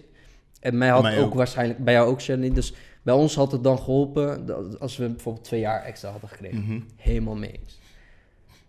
Maar ik denk dat het op andere manieren nog beter kan. Stel je nou eens voor, en daar is D66 bijvoorbeeld eh, voorstander van, dat we voor de basisschool, voordat het echte begint van het beoordelen, nog eens twee jaar daarvoor, dus kinderen vanaf tweejarige leeftijd, eh, ook scholen. En dan in de vorm van laat ze lekker met elkaar spelen. Bijvoorbeeld, ik had nog nooit Nederlands geleerd voordat ik op basisschool kwam. En dan ben je eigenlijk al laat, hè. Dan begin je op de basisschool en het eerste twee, eerste twee drie jaar van je ontwikkeling eh, leidt onder het niet kennen van de taal. Stel je voor dat ik vanaf mijn tweede, ik woon nog niet in Nederland, maar bij wijze van, vanaf mijn tweede al op school zou zitten, dan had ik die twee jaar om te kunnen spelen en de taal te kunnen leren. Natuurlijk op basisniveau, maar Mhm. maar het zorgt ervoor dat mijn achterstand op andere Nederlandse kinderen veel minder groot zou zijn. Bij de start van basisschool, bij de start van beoordelen, beoordelen, beoordelen. Dus op twee punten ben ik het met je eens. Hè? Creativiteit en eh, ehm, die brede basisscholen. Ja. En dan zeg ik voorschoolsopvang. Ja. Het derde punt, en dat ligt, eh, en dat is waarom ik architectuur ook zo interessant vind. Wat jij zegt, eh eh, blank kinderen bij blank kinderen, eh, getinte kinderen bij getinte kinderen enzovoort. In de jaren zeventig, toen mijn wijk, onze wijk, Buitenhof, werd gebouwd, wisten mensen nog niet, wisten de ontwerpers van toen der tijd niet wat voor problemen het teweeg zou brengen als je mensen, heel veel mensen met een laag sociaal-economisch klasse bij elkaar zou plaatsen. Dat is wat wij nu leren. Mhm. Daar zien wij nu de uitingen van. Eh, hebben we gezien, heel intens. Ehm, dus daarom is het zo ontzettend belangrijk over, om na te denken over goede wijkverdeling. Wie plaats je bij elkaar? En dan komt het, wat jij zegt, gemixt. Gemixte wijken, daar is D60 dus heel, ook heel erg voor. is ook een reden geweest waarom ik bij de partij wou. Dus is ons schoolsysteem zoals het nu is eh, optimaal? Nee. Is het een goede basis? Ja. Ja, dat, dat zou, ik zou niet zeggen, ik, want ik heb een, een beetje gelezen over, het is niet mijn on- onderwerp, onderwijs, Mhm. maar ik, ja, als D60er ben je toch wel geïnteresseerd. Ik ben gaan lezen over andere onderwijsvormen, over hoe andere plekken in de wereld, hoe het gaat. Maar ik denk dat de basis toch wel goed zit. Eh, het, Ja, ik, ik denk ook niet Ja. dat, eh, sorry dat ik je onderbreek, Nee, nee, maar nee. ik denk ook niet dat het inderdaad niet helemaal negatief was. Want qua eh, sociale ontwikkeling Ja. en contacten en netwerken Ja. heeft het zeker voordelen. Ja, maar het is ja. meer creatieve vlak, zeg maar, die beperkt wordt, zeg maar, door, de school, Ja. door het schoolsysteem. ja. Plus de verdeling ervan is gewoon nog niet optimaal, zeg maar. Ja, Kijkend bijvoorbeeld nu naar Ja. Delft, Buitenhof. ja, Jij bent er echt opgegroeid nog tot op de dag van vandaag. ja. ook. ja. Hoe ja. beleef jij dat, zeg maar, voor jezelf? Hoe, jij als inwoner, jij als jongen die daar bent, oh, oh ja. Ja, op zich wat hij zegt, zeg maar, dat zie ik ook. Als je bijvoorbeeld kijkt naar Delphia, Ja, bijvoorbeeld. ja, ja, ja. Dat is gewoon weg. ja. ja. Dat is gewoon een, een plek waar, ik kan wel bijna zeggen, de hele buurt vroeger voetbalde. Ja, Om zo maar te zeggen. Ja. Maar door, ja. ik weet niet wat, misschien Ja. eh, financieel iets, dat Ja. zag je gewoon. Kijk, en ik weet dat van vroeger al, ik, was- zeg maar, ik was er namelijk ook een Ja. van. Broer, er was altijd Ja. gezeik met buitenlanders die geen contributie betaalden. Ja. Je weet het toch? Ja, dan mag, dan mag je niet spelen, maar op een gegeven moment had je ook geen team. Want als de helft van het team niet kan betalen, om het zo maar te zeggen, ja, dan, dan kun je geen team opstellen, begrijp je? En, en dat is eigenlijk het Zulke trieste, dingen, hè? Van, eh, en en eh, de- ik begrijp volledig wat je zegt, hè? Uh, wat je zegt van ehm buitenlanders die geen contributie betalen. Mm. En kijk, het, En- waren niet alleen de buitenlanders natuurlijk, maar Nee, nee, omdat er maar- zoveel waren, was Ja. er een overgroot deel, zeg maar, die dat... Teruglopende ledenaantallen, Mhm. inderdaad. Geen, maar dat was niet. Eh, en, en dat merk je, zeg maar, dat heb jij vastgemerkt en dat merk ik ook op latere leeftijd. Dat je steeds meer bewust bent van bijvoorbeeld inkomens van Mhm. mensen. En eh, dan was het niet omdat ouders niet wouden betalen, maar dat we echt zagen nu doorhebben dat ze niet konden, Konden, ze betalen. konden het niet. Ja, precies zeg dat maar, ze zegt. konden het niet betalen. mhm. En eh, als je inderdaad heel veel leden hebt uit gezinnen die het niet kunnen opbrengen om sport te kunnen betalen, ja, dan krijg je het verhaal inderdaad Delphia. Ja. Eh, dat je gewoon teruglopende ledenaantallen. Want op een gegeven moment is het ook voor mensen, voor kinderen bijvoorbeeld, die het wel, wiens ouders het wel kunnen Mhm. betalen, is het ook heel demotiverend om een kind daar te plaatsen. Klopt. Als er bijvoorbeeld geen geld is voor eh, bepaalde leuke activiteiten. Klopt. Ja, hoe vaak hadden we een leuke activiteit? Als ik kijk naar andere clubs, hè, Ja. van buitenlandse reisjes. Ben je ooit naar het buitenland geweest met Delphia? Nee, Ik nooit. ook niet. Nee. Met DHC ben ik geweest. Ja, met eh, nou, Vitesse is geweest. eh. dus ja, klopt. bij Delphia was het geld er gewoon niet. Ja, klopt. We gingen altijd, weet je wat we altijd deden? In de zomervakantie gingen we altijd op kamp. Ja, en, dan ging- hoe leuk was ja, dat? Dat was, dat was Ja, gewoon top. Dat ja, was gewoon ja, top. ja, maar ja, je bleef wel gewoon in Nederland ergens, gewoon in Limburg of in Brabant. Ging Ja. gewoon op kamp. Ja, dus zeg maar, ehm, het niet kunnen betalen van contributie, dat, is- dat, dat is he- heel zorgelijk geweest. En dat, heeft, dat is ook de onderuitgang van eh Delphia eh, g- gedeeltelijk hè, geweest. En zo zijn er meer problemen die kwamen kijken bij een echte lokale eh, voetbalvereniging, waar, eh, waar gewoon eh, niet de financiële middelen altijd zijn. Mhm. En ook nog eens, het zorgt ervoor, kijk, wij, zat je op de horizon? Nee, nee, nee. Ik zag Nee. Pieters Brandsma. Oké, oké. Ik zat op de horizon met veel anderen uit de Ja. wijk, ja toch? Ja. En ik voetbalde bij Delphia. Dus een en al buitenhof. Echt, Ja, buitenhof stond bijna op mijn voorhoofd geschreven. Weet je wel, gewoon kern, harde kern. Dat ik pas op de middelbare school andere mensen leerde kennen. Zeg maar. Pas op de mi- middelbare school werd mijn cirkel net iets groter. En eh, het, het goede van iedere keer je cirkel vergroten, en dan hebben we het net gehad over schilderen enzovoort. Dat is zo ontzettend belangrijk om uit te vinden wie jij echt bent, wat jij echt vindt en wat je echt kan.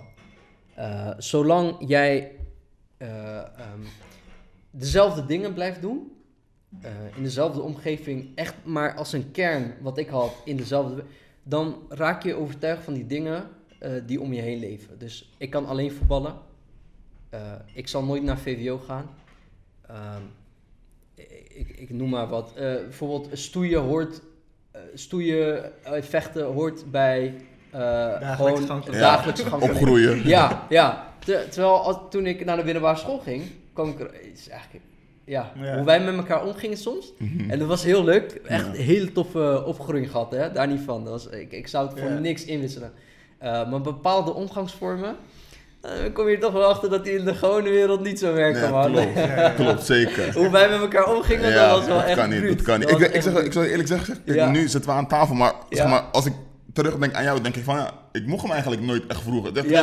zeg maar, ik kende hem niet zo Ja, erg ja, ja, eigenlijk, maar ja. nou, hij, hij was niet echt mijn guy, zeg Ja, maar. En zeg maar, op terugkomen wat je net zei, kijk, ik had dat vroeger ook. Kijk, vroeger Ja. ging ik eigenlijk eh, alleen maar met Nederlanders om. Hè? Ja. Gewoon echt alleen maar met Nederlanders. Ja, zeg maar, voordat ik Ja, op ja, de haven echt, kwam, eh, Ja. ging ik echt alleen maar met Nederlanders om. Dus op een gegeven moment, en daar ben ik gewoon heel eerlijk in, dacht ik bij mezelf van, ik ben wel blakker en zo, Ja. of do, do- donker, laat ik ja. het zo zeggen, maar ik voelde me eigenlijk gewoon een Nederlander. Ja. Wat ik me, nog- laten we zeggen, nog steeds wel voel, maar Ja, op een gegeven moment kwam ik zeg maar, bij hun in de klas en ook heel veel buitenlanders Ja. uit mijn buurt, zeg maar, Ja, ging ik ja. echt mee om. ja. En dan, zeg maar, ik ben eigenlijk net als hun. En ik voel me Ja. eigenlijk ook echt een uh, buitenland. Ja, ja, ja. Maar ik ben wel altijd meer voor de ja, zeg maar. Maar je hebt daar wel je eigen sausje aan gegeven. Weet je. Ja. Vroeger dacht ik echt van, bro, ik ben gewoon, ik ben zeg maar een Nederlander, maar ik heb een verkeerde huidskleur, zeg maar, toen ik Oké, wat kleiner was. Begrijp je. Omdat ik alleen met de Nederlanders omging. Ja. Je, nam toen, je nam hun gewoontes over, je, je weet toch, een, een denkwijze, zeg maar, denk je van jezelf van, ja, oké, dat, is, dat is het ware. En dan kijk je om je heen in de buurt en dan heb je zeg maar boys ja, die laten we zeggen stoute dingetjes doen, denk, denk, denk je van, oké, die hebben echt wel gelijk. Ik wil niet zo zijn, zeg maar. Dus dat had ik ook. En nu heb ik zoiets van, hé, iedereen is eigenlijk gewoon wie die is en Ja. iedereen is goed, weet je. En Ja, ja, dat, is, ja, dat is ja. best wel, dat heb ik, zeg maar, dat was echt mijn levenservaring. Dat ik dacht Ja, van, ja, oh joh, ja. dat heeft de middelbare school, zeg maar, heeft me echt wel eh, mijn horizon verbreed. Qua Zeker, zeker. Ja. Vooral op het grootste college, Mhm. dat was zo ontzettend goed. Die, die, die mix die daar is, Ja. van Gothics tot aan Buitenhof, Ja, kern man. Buitenhof, alles zat ertussen. Ehm, en, eh, en dat gaat niet alleen over buitenlandse kinderen, hè? bijvoorbeeld eh, of met een migratieachtergrond. Ja. Ik, ik hou het even. Ehm, het geldt ook voor de Nederlandse kinderen met echt Nederlands, de autochtone Nederlander. Hè? Als zij in hun eigen kring blijven, dan blijven mensen zoals eh, ons, met een kleurtje, met een andere achtergrond, blijven ook onbekend. En Mm. onbekend maakt onbemind. Dus het zal ook eh, voor hun geld. Ja. We kunnen beter zorgen dat zij ook buiten hun cirkel gaan Ja, kijken. ja, precies. Voor, dat geldt voor iedereen. Ja. Ehm, eh, zodat je. Ja, eh, ik wil, toch, ik ja, wil toch ook sowieso tuurlijk. wel het onderwerp discriminatie bespreken. Ja, en, zeker, en racisme, zeker. zeg maar. Ik wil dat Zeker. ook niet. Ik heb over nagedacht of we dit wel moesten doen, zeg maar. Mhm. Omdat Oh, absoluut. Er zijn drie buitenlandse jongens zitten Ja. aan tafel en ik wil dan ook niet het standaard gesprek van discriminatie, racisme. Ja, tuurlijk, tuurlijk. Maar het is gewoon, je kan het eigenlijk niet omheen. Het is een Ja. onderwerp die besproken moet Ja. worden. Ja, En vooral jij zit binnen de over, ja, binnen overheidsinstantie of binnen orgaan. ja. Ervaar jij discriminatie op dit moment? Of binnen je vlak, binnen de overheid of binnen je persoonlijk leven? Hoe ervaar jij dat? Eh, mijn migratieachtergrond. Je heeft mij. Ja, niet, zeg je? niet westerse allochtoon Niet westerse allochtoon. Ja. Ja, nou, allochtoon is afgeschaft, hè? Ja, ja, ja, ja, dus. Wij eh, de podcast wel gedwalen. Eh, ehm, heeft ervoor gezorgd, mede ervoor gezorgd, eh, dat mijn profiel als politicus eh, sterker werd. Dus het heeft mij geholpen om eh, niet Nederlandse ouders te hebben. Om niet in Nederland te zijn geboren. Want ik kan een verhaal vertellen en ik kan bepaalde ervaringen delen die een autochtone Nederlander, afgeschaft wordt, maar om het toch even duidelijk te maken naar de kijkers waar we het over hebben, Mhm. niet kan vertellen. Klopt. Eh, verhalen van mij, van jou, van ons, eh, komen eerder eh, over op mensen die op ons lijken dan van eh, Bert, eh. Peter, Jan. Het, la- we kunnen gewoon daar. Dus het heeft voordelen om een migratieachtergrond te hebben. Daar wil ik wil altijd even met positieve Ja, ja, ja. beginnen. ben ik 100% met je eens. en ehm, zeg maar, eh, is er eh, racisme, is er discriminatie? Wat ik denk, eh, ja, eh, maar, eh, er komt een maar, maar bij mij komt er echt een hele harde maar wat dat betreft. Want in mijn leven heb ik heel veel kansen gehad. Echt, je hebt zo, ik heb in ieder geval ontzettend veel kansen gehad en waarschijnlijk kan ik voor ons spreken. We hebben heel veel kansen gehad, kansen die je zou aangrijpt waar je zelf niet aan had gedacht. Mensen die je vragen om dingen te komen doen of eh, ergens te komen spreken om, om ergens een bijbaantje of wat dan ook. Mhm. Dat moeten we ook niet vergeten. Zeg maar, er zijn heel veel, eh, zo, er zijn zoveel kansen en er zijn zoveel eh, momenten waar we misschien iets te makkelijk over nadenken, omdat het ons, ons wordt aangereikt. Mhm. Eh, daar, als we echt een discussie over discriminatie zou gaan voeren, moeten we en het positieve en het negatieve benoemen. Ja. Want ik heb, ik heb en, en misschien vallen mensen daar, sommige mensen daarover, eh, dan, dan is dat maar zo. Maar ik leef een beetje met de overtuiging van als een bedrijf mij niet wil hebben, voor jullie duizenden anderen. ja, ja, ja. Ja. Als jullie mij eh, weigeren op basis van mijn achtergrond, jullie verdienen mij niet Ja, eens. true. Snap je? Dus ik denk dat we ook een stukje, en, dat- en dat bedoel ik niet arrogantie, Mhm. maar dat we een stukje zelfverzekerheid in de jongeren, eh, jongeren, jongvolwassenen, volwassenen, moeten inbouwen van ken je waarde. Ken, ken Ja. je eigen waarde. Wees, eh, zeg maar, raak niet teleurgesteld op basis van een mening van iemand die je niet eens kent. Mag ik even interrumperen weer? Kijk, ik denk, zeg maar, wat jij zegt, eh, daar kan ik me ook best wel in vinden. Maar ik Ja. denk dat dat, zeg maar, een eh, hele, ehm, hoe heet dat nou? Ehm, nieuwe denkwijze is. Snap wat ik bedoel? Kijk, nu, wij kunnen niet denken van, Zeker. fuck it, eh, ik hoef jou niet. Ja. Of ik ga het ergens anders proberen. Of Ja. weet je wat? Ik ga het gewoon Ja. helemaal zelf proberen. om het zo maar, om het zo maar, want dat, kan- dat kan nu ook. Nu wordt het ook veel meer geaccepteerd. Maar vroeger was dat niet zo. En ik denk, zeg maar, persoonlijk nu nog steeds dat... Kijk, we kunnen heel veel dingen zelf en je kan heel veel dingen regelen. Maar er komt, zeg maar, een moment... Als jij je top hebt bereikt, om het zo maar te zeggen, Ja. ergens in, bijvoorbeeld, je, Ja. je bent hier op je top. Je wil, Ja. laten we zeggen, doorgaan naar de politiek. Dat er toch wel, zeg maar, iemand is die daarover beslist. Ja. Snap wat ik bedoel? Ja. Dus, die, die, Ja. dus die dan toch jou kan afkeuren, of niet. En dan ben je wel, ja, dat is wel minder voor jou. Ja, ja. Want je hebt wel een hele lange weg eh, Ja. afgelegd en iemand anders, en je hebt ambitie en, Ja. je, en je, je kan dat denk ik ook, ja. en je wil dat, maar iemand anders die kan jou dan zeg maar, Zeker, zeker, zeker. Eh, ik, kijk, ik, ik zag ook niet hè, Mhm. eh, dat er niet is. Of Mhm. dat, maar ik wil hem zeg maar aangrijpen. eh, dit moment, ik ben dankbaar voor deze vraag. want Ja. Ik heb zelf ook over nagedacht van eh, wat, wat vind ik er... eh, wat, wat vind ik ervan? Omdat we ook in de politiek erover praten. We hebben het Ja. echt over. Maar dan praten we heel erg vanuit de argumenten. Hè, van zoveel procent dit, zoveel procent dat. Nou, maar Mhm. dan ga je al snel, vergeet je dat het over mensen gaat. Dat ieder individu belangrijk is. Dus als je zegt 99% eh, is niet gediscrimineerd, dus het gaat goed. Nee, want die 1%, dat zijn mensen. We hebben het Mhm. echt over mensen. Dus eh, eh, ik, ik ben voor mezelf ook gaan nadenken van wat, hè, hoe, hoe, zou, hoe denk ik erover als deze vraag wordt gesteld? En ik denk echt, en ik blijf erbij, en dat is iets wat ik ook op de basisscholen, als ik mijn praatje kom houden, eh, als ik word uitgenodigd, vertel.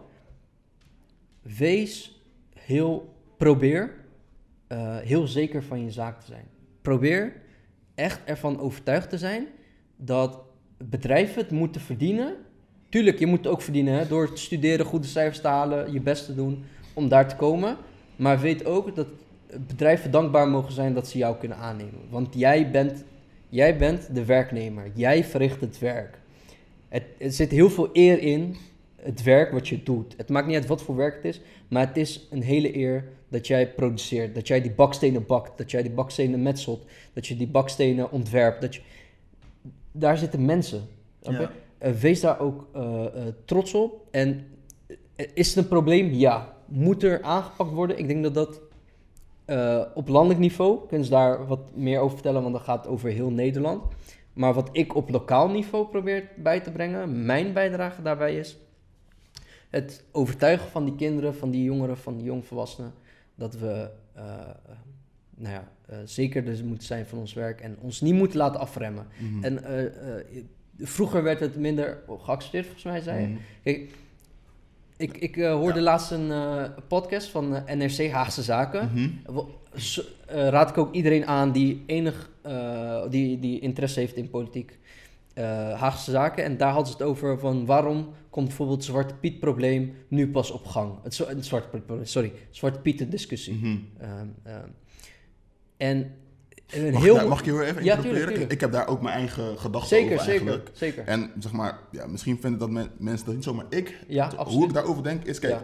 vroeger, zeg maar, onze ouders, jouw ouders, mijn ouders, kwamen hier naartoe voor een beter leven. Ja. Dus eigenlijk namen ze, oké, zeg maar, oké, Zwarte Piet was er al, misschien Ja. waren het een paar niet mee Ja. eens, maar ze waren al blij dat ze hier, wa- Ja. dat ze hier waren, dat ze hun Ja. kinderen een betere Ja. toekomst kunnen Ja, geven. ja, ja. Nu wij, hun kinderen, zeg maar, vooral ik dan, Ja, als ja, donkere persoon, ja. ja, maar ik, ik ben hier geboren, ik voel me gewoon, ja, dit, dit land is ook Ja. een ambitie van mij, Ja. om het zo maar te zeggen, Ja. weet je. Ja, En dat is denk ik eh, waarom het nu heel erg op, Juist. op eh, komt. juist. Ja, en dat, dat was echt kern van hun verhaal. Dat heb je heel mooi gezegd. Van, zij had het er ook over. Het is, op een gegeven moment is het zo dat de kinderen van de mensen, de gastarbeiders, de vluchtelingen enzovoort, die zijn op een gegeven moment mondig genoeg. Hè, die eh, weten hun weg te vinden in Nederland. En die gaan zich actief bemoeien met de discussie. En hoe. Kijk, je kan er alles van vinden van die discussie, maar het is een vorm van emancipatie. Mhm. Dat, dit is een uiting van dat het beter gaat met Klopt. de eh, eh, kinderen van de migranten. Ja. Omdat zij zich mengen in een politiek debat, Ja. in een maatschappelijke discussie. Dus ik vond het zo mooi, hè? Van, er wordt heel veel negatief geschreven over heel die. Kijk, of je voor bent, tegen bent, het, laat ik even in, het het midden. Eh, maar dat, je, dat wij actief meedoen aan die discussie. eh, eh, wat onze ouders niet konden, Mhm. niet doen, om, omdat ze zeg maar hè, niet niet, mondig, ik, niet ja. durven, niet mondig genoeg zijn. Maar wij doen het wel. Dat is echt een hele mooie vorm. Ja. Dat is een hele mooie ehm, ehm, bewijs, of eh, ik zoek eigenlijk een ander woord, maar ik kom er even niet op. Uiting. Ja. Uiting van emancipatie Ja, ben ik en met je eens. integratie. Alleen ik denk ook wel wat je net zegt, Ja. dat is ook wel een kern van het probleem dat je zegt van maakt niet uit of je voor of tegen bent. Ik denk dat nu een beetje de grens begint te raken dat het wel een probleem wordt als je voor Zwarte- Zwarte Piet bent. Als je dat? En ik wil ook niet te veel Zwarte Piet discussie Nee, ingaan. nee, nee, zeker. Maar dat is een voorbeeld van dat racisme tot op de dag van vandaag gewoon duidelijk aanwezig is. En waarom? En racisme betekent niet dat iemand de ander per se haat. Hè? Het is- je hebt ook onbewuste racisme. Dus dat bijvoorbeeld mensen zeggen, maar, ja, die eh, klampen zich vast aan oude waarden, gewoontes. Terwijl ja, tradities. het is gewoon, het is een probleem. Op het moment dat iets ervaren wordt als racistisch door een ander en dat die groep is groter dan twee mensen, dan is het gewoon racistisch. Het is geen discussiepunt meer of iets racistisch is, want het wordt racistisch ervaren door een andere groep. Dus je kan er niet mee doorgaan. Dus dat is gewoon racistisch. Je, je kan, eh, laat, laat ik dit over zeggen. Eh, voor D66 bijvoorbeeld hier in de gemeenteraad hebben we, eh, in, binnen de gemeenteraad, hè, in de fractie voeren we deze discussie ook. En dan gaat het niet zozeer meer over of Zwarte Piet moet blijven, maar hoe ziet, de, hoe ziet die eruit? Dus, eh, sorry, ik zeg het helemaal verkeerd. Zwarte Piet niet. Mhm. Hoe moet het eruit zien? Ja. Eh, kleur, we hebben het eh, kleur, kleurpieten of roetveegpieten. Of helemaal niet dat pakje meer. Ja. Maar sowieso los even vanuit D60 Delft, wat we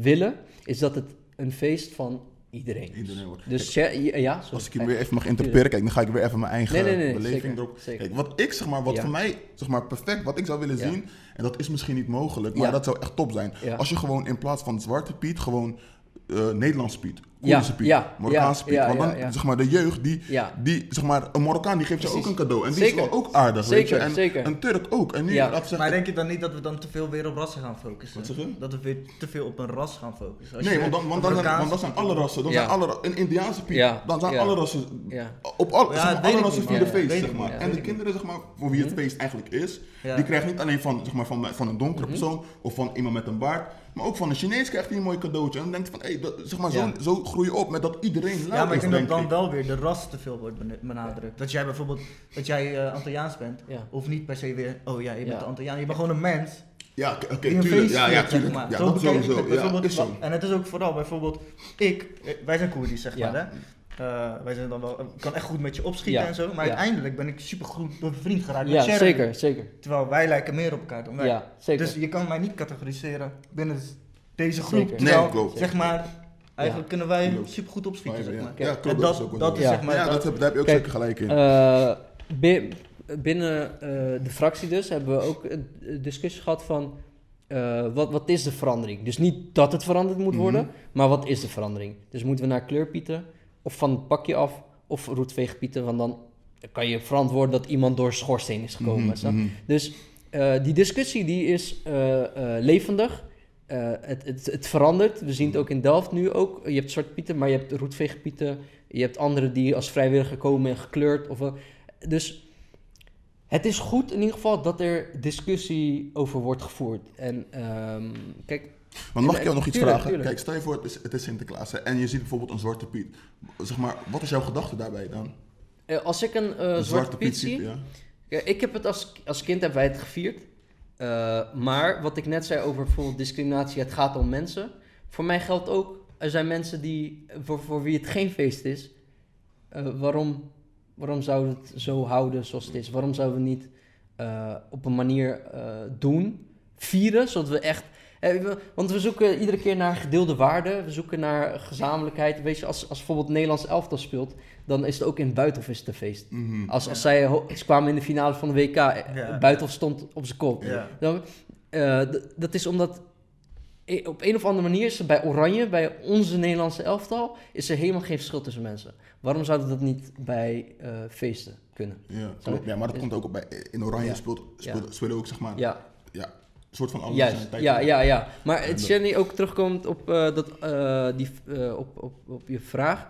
Het is ook nog een kwestie voor heel veel Nederlanders die misschien bang zijn om hun cultuur kwijt te zien Ja, te raken. verliezen, ja. Kijk, en, en, en kan je hun dat weer op een, een of andere manier kwalijk nemen?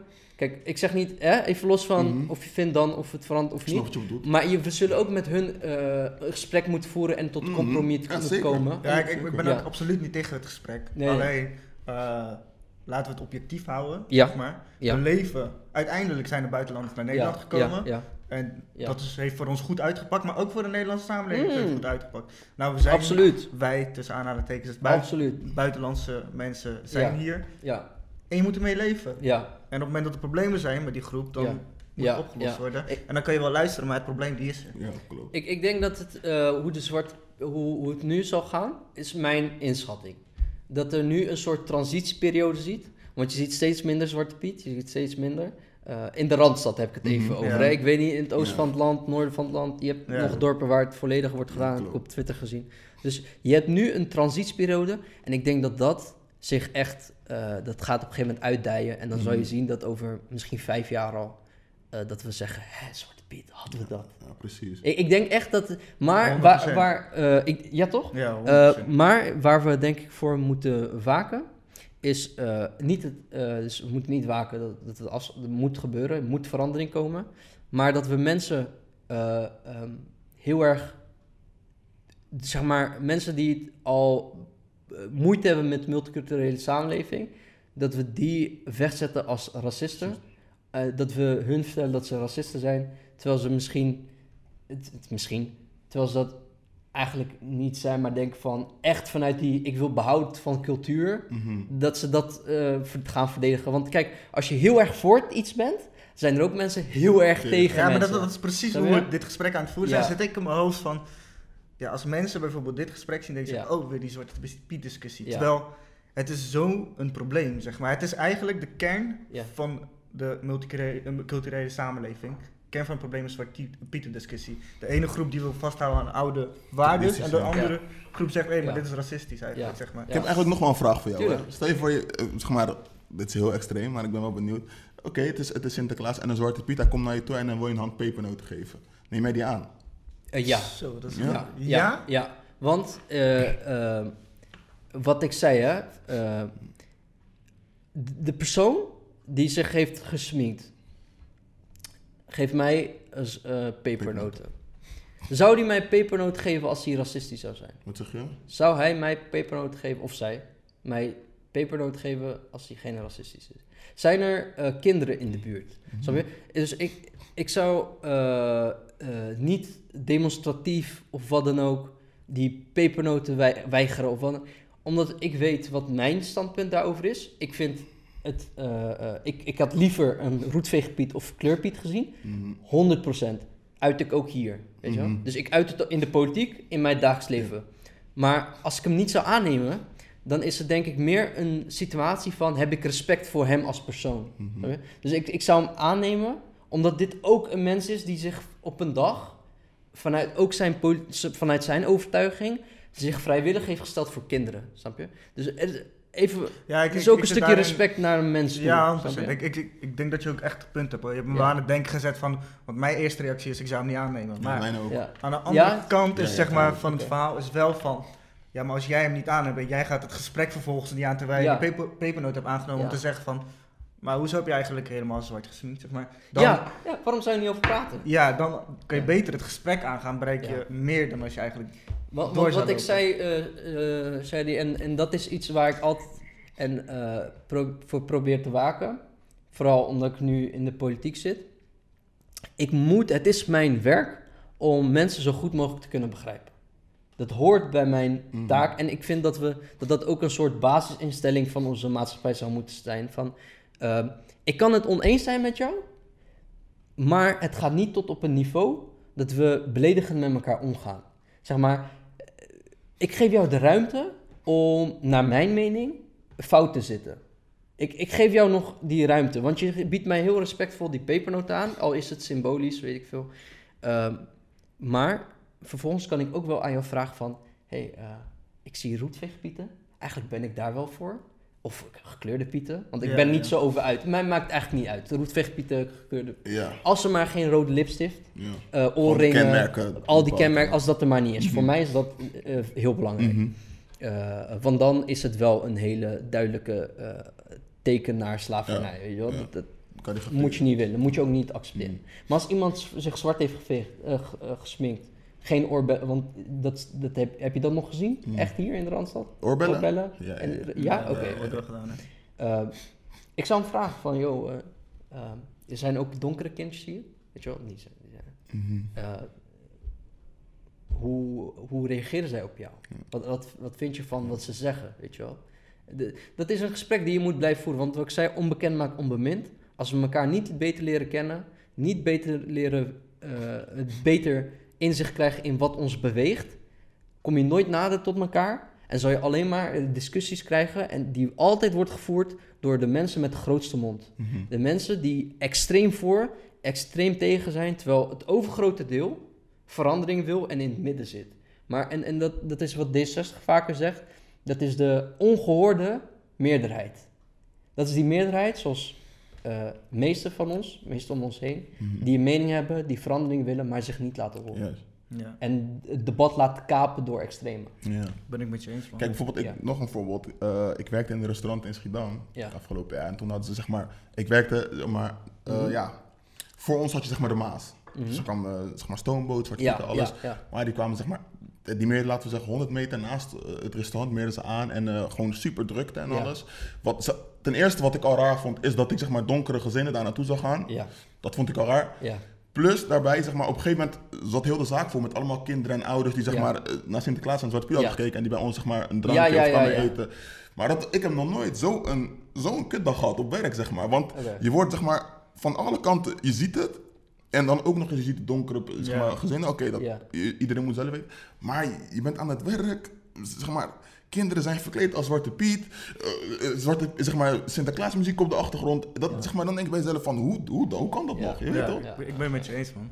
Het, dat was echt heel, zeg maar, ik heb nog nooit zo'n nare Ja. eh, werkdag gehad. Ja, Ja. ja, ja. En, en dat geldt voor meerdere Nederlanders Ja. die dat ervaren. En- Ja, dat, dat ik denk dat dat ook we wel meer besproken Ja. onderwerp wordt. Mensen Ja. die zich meer uit, ook blanke Zeker, Nederlanders, zeg maar, die zich zeker. uiten. Ik denk Ja. daar, dat daarmee wel de kern is gelegd om het probleem op te Ja, lossen, man. dat is die ongehoorde meerderheid. Ja, als, zij 100%. zich meer laten horen en meer zeg maar, eh, het actieve debat gaan voeren, eh, wat, wat ik, welke kant het ook opgaat, hè? wat ik zei over vijf jaar. Ik ben benieuwd. Eh, Mogen jullie mij over vijf jaar weer navragen? Eh, of, of dat is uitgekomen of niet, dat dat op een gegeven moment Het uitgekomen moet wel. Uit-. Ja, uit- sowieso. zeg We ontwikkelen als samenleving, Ja. als Ja. mensen. Ja, Dingen die we nu doen, zullen we over 15 jaar niet meer doen. Precies. 100% zeker. Precies. Laten we het ook daarbij houden. ja, Mhm. ja, toch? Maar ik Ja, vond Ja, maar ik, het was eh, een leuke, dit- zeg maar, dit is een leuke, Ja. nou, een goede onderwerp. Ja. Om het Maar je merkt ook wel dat wij het onderling Ja. ook niet helemaal eens zijn. Over nee, hoe het vormgegeven nee, moet nee, worden. maar dat is ook niet erg. Dat is, ja, ja, Want wij, wij hebben dit gezegd en waarschijnlijk de mensen die kijken, sommigen zullen het eens zijn met mij, ja. met jou, met eh Shirley. Sure, Ja, klopt. Eh, en dat is goed, want dan Ja. denken ze in ieder geval na over wat ze denken. True, 100%. Denken ze na over wat ze vinden. Ja, man. Ja.